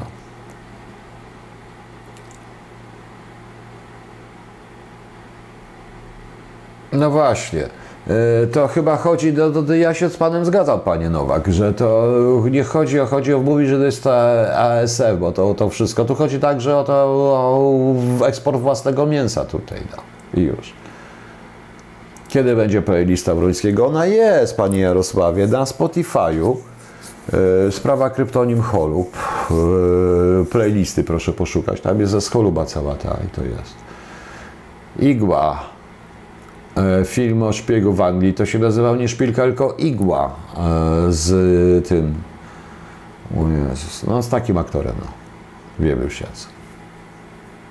Już, już przestaję myśleć o tej porze. No. Co to za fajki? Czy to z kiosku? Nie, to prawdziwe fajki. No, wyżebrałem. E, Chodzi o to, żeby zniszczyć wszystko, co polskie rolnictwo i tak dalej. Pan to sobie łowi w biedronkę. Ja nic sobie nie łowię. Kamil Nimak, ale ja prawie w ogóle nie jem mięsa. Nie mam problemu do polowania, po prostu nie lubię mm, nie zabijać zwierząt, no ale nie jem, ja prawie w ogóle nie jem mięsa, więc o co chodzi? E, czy mimo ogólnej indolencji czuje się Pan trochę uzależniony od swoich widzów? Troszkę tak, to dlaczego nie? A z, do kogo dotyczy ta indolencja? Ciekaw jestem. Stare przysłowie pszczół, jak nie wiesz o co, to zawsze o pieniądze. To prawda. To prawda. E, Donald Sutherland, no, w Wikle grał. E, Lutek 9. Ja już się odnosiłem do tych książek wielokrotnie. To są książki, jak pisze, e, jak e, Włodek pisze książki, a z pisarzy, którzy tak naprawdę, z pisarzy, którzy hmm, to znaczy tak, jest tylko dwóch pisarzy, piszących y, o wywiadzie, którzy rzeczywiście robili od dołu. Łaziganiali z pietaskani, gadali z betką, projektowali operacje, werbowali, obsługiwali źródła i robili różne dziwne rzeczy, które się robi w wywiadzie, pracując w tym wywiadzie operacyjnie. To jest właśnie Włodek Siewierski i ja. Cała reszta to są na ogół teoretycy, którzy nigdy tego nie robili. Po prostu. No. Co nie do mnie, a co nie było do mnie? A, myślałem, że ten. Ratujmy pszczoły. No, Donald Sutherland był dobry, Wigle był dobry. Igba to jest chyba według Kena Folletta, jak pamiętam, bo książkę i czytałem i obejrzałem film. Film był świetny, to jest prawda. Takie filmy szpiegowskie to no, są fajne, lubię, no, mi się podobają. Podobał mi się pierwszy Pierwsza część The Americans mi się bardzo podobała tego serialu, jeżeli chodzi o szpiegowskie. Bardzo mi się podobał e, na początek Homelandu, ale tylko początek, bo potem to już była wielka głupota, moim skromnym zdaniem. No. Ale ludzie zadają, no nie, no, no wiem, że zadają głupie pytania, ale często te pytania nie są głupie, tylko ludzie po prostu, tylko ludzie po prostu nie wiedzą, no, o, i chcą sobie właśnie, no. Że Swidzik, tak, ktoś chciał sobie napisać. Dajcie już spokój, nie ma innych problemów w Polsce, tylko dziki, dziki. Dla mnie większym problemem od dzików jest NFZ i ZUS, proszę Państwa, no. oraz brak prawdziwego kontrwywiadu. Tożsamość Borna. Ech, to taki tam zabili go i uciekł. No to, no, proszę Państwa, są filmy Maciej Michał. Krótko, ja muszę wstać jutro o 6.30 na chwilkę. Dzień Szakala też jest dobre. W Dniu Szakala jest fajnie pokazany przemyt broni, tak jak i potem w, jak się nazywało to później jego, no, Psy Wojny chyba, chyba były Psy Wojny. Jest świetnie pokazane robienie dokumentów po prostu. No. No. Śmieszne to nazwali kodzik, no te, a to, to, to do kodziki będą, kodzika będą strzelać, kurde, no nie do kogo nie, no, będą, no problem. PiS jest, no PiS też jest problemem. Czekamy na wybory. Myślicie, że te wybory coś dadzą? Dzieci zła, czy czytałem? Chyba nie. Chyba nie, muszę zobaczyć. To. Lara Florent Top Nie wiem, bo to żona mi kupiła na gwiazdkę z przeceny zresztą, bo są duże discounty. No. Czym pan zmyje makijaż? Nie wiem. Wodą, normalną, zwykłą wodą. No. Nie, ja potrzebuję snu, tylko nie mam czasu na spanie, szkoda czasu. No. Pana ulubiona książka Lema.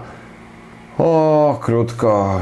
Ja w ogóle lubię Lema, ale jednak dzienniki gwiazdowe Iona Tichego z kongresem futurologicznym i profesorem Adońdą. Całe wydanie bardzo mi się podoba, bardzo lubię. Psy wojny? Nie, to chyba chodziło o co innego. No. Nie, Noc Generałów mi się nie podobała. Nie podoba mi się Los Generałów z wielu powodów. Ja w ogóle nie lubię Kirsta. No. No.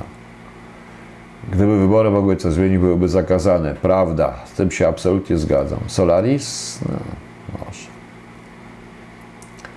Podoba się Panu nowa wersja Małej Dobożki? Jest lepsza niż ten film w ogóle, to znaczy bardziej skrótowy, jest bardziej dokładna z książką. No jak ktoś lubi, to nawet fajna, można sobie to obejrzeć.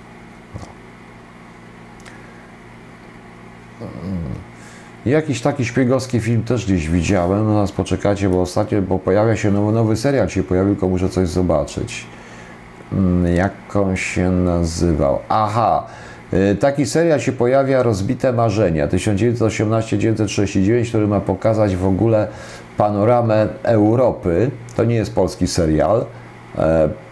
Panoramę Europy po I wojnie światowej. Może być ciekawe. Najlepszy film szpiegowski według Pana? Ciężko powiedzieć. Ja na przykład uważam za bardzo dobre trzy to są seriale BBC. E, to jest, e, to jest Tinker Tailor Soldier Spy i Smiles People z Alekiem Guinnessem z lat 70. Wspaniałe czteroczęściowe seriale według Le No i jeszcze The Perfect Spy też według lekarego. Świetny jest w ogóle też BBC, bo, nie, bo ten szpieg z, nowy z Gary, z Gary Oldmanem jest do kitu, proszę Państwa, do kitu, przykro mi. No. Ale to jako film to nie wiem, może spotkania ze szpiegiem, taki polski film, z tych polskich, który mi się podoba, bo z filmów ta, tak naprawdę szpiegowskich to chyba jednak krawiec z Panamy, który pokazuje pewnego rodzaju paranoję, jaka jest. No. Natomiast e, oczywiście Good Shepherds też jest dobrym filmem. Pokazuje pewne historie, które można na to spojrzeć. No. Przenicowany świat był film Przenicowany świat dwuczęściowy w ogóle. Został zrobiony.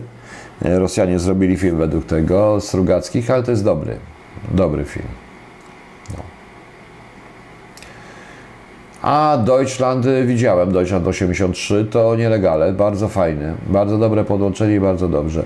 Y, seria y, Czas Honoru, czy druga seria? Mm, Czas Honoru w ogóle jest ewenementem w Polsce i moim zdaniem bardzo dobrym filmem, także warto to zrobić. No. Dobrze, proszę Państwa, bo już gadamy, gadamy już ponad dwie godziny, więc muszę już kończyć. Rekordu dzisiaj nie biję. Także dobranoc Państwu, do jutra, właściwie do dzisiaj wieczora. Wieczorem coś też będzie. Y, To jeszcze sobie pogadamy, zobaczymy co dalej wyjdzie. Może kolejnego szpiega złapią, może teraz z Mongolii i zobaczymy jak tam Mongolia w ogóle. Ewentualnie z Wietnama. Ktoś mnie pyta o wywiad wietnamski. Jest. Jest, proszę Państwa, tylko nie działa w Polsce. Autentycznie on działa tylko w swoich ludzi. On trzyma ich za tego. Po prostu. Właśnie. Także. Czy będzie bezpiecznie? Raczej będzie, raczej będzie. No. Także dobranoc, do jutra, a właściwie do dzisiaj, do wieczora. No. Kończymy, zatrzymujemy stream.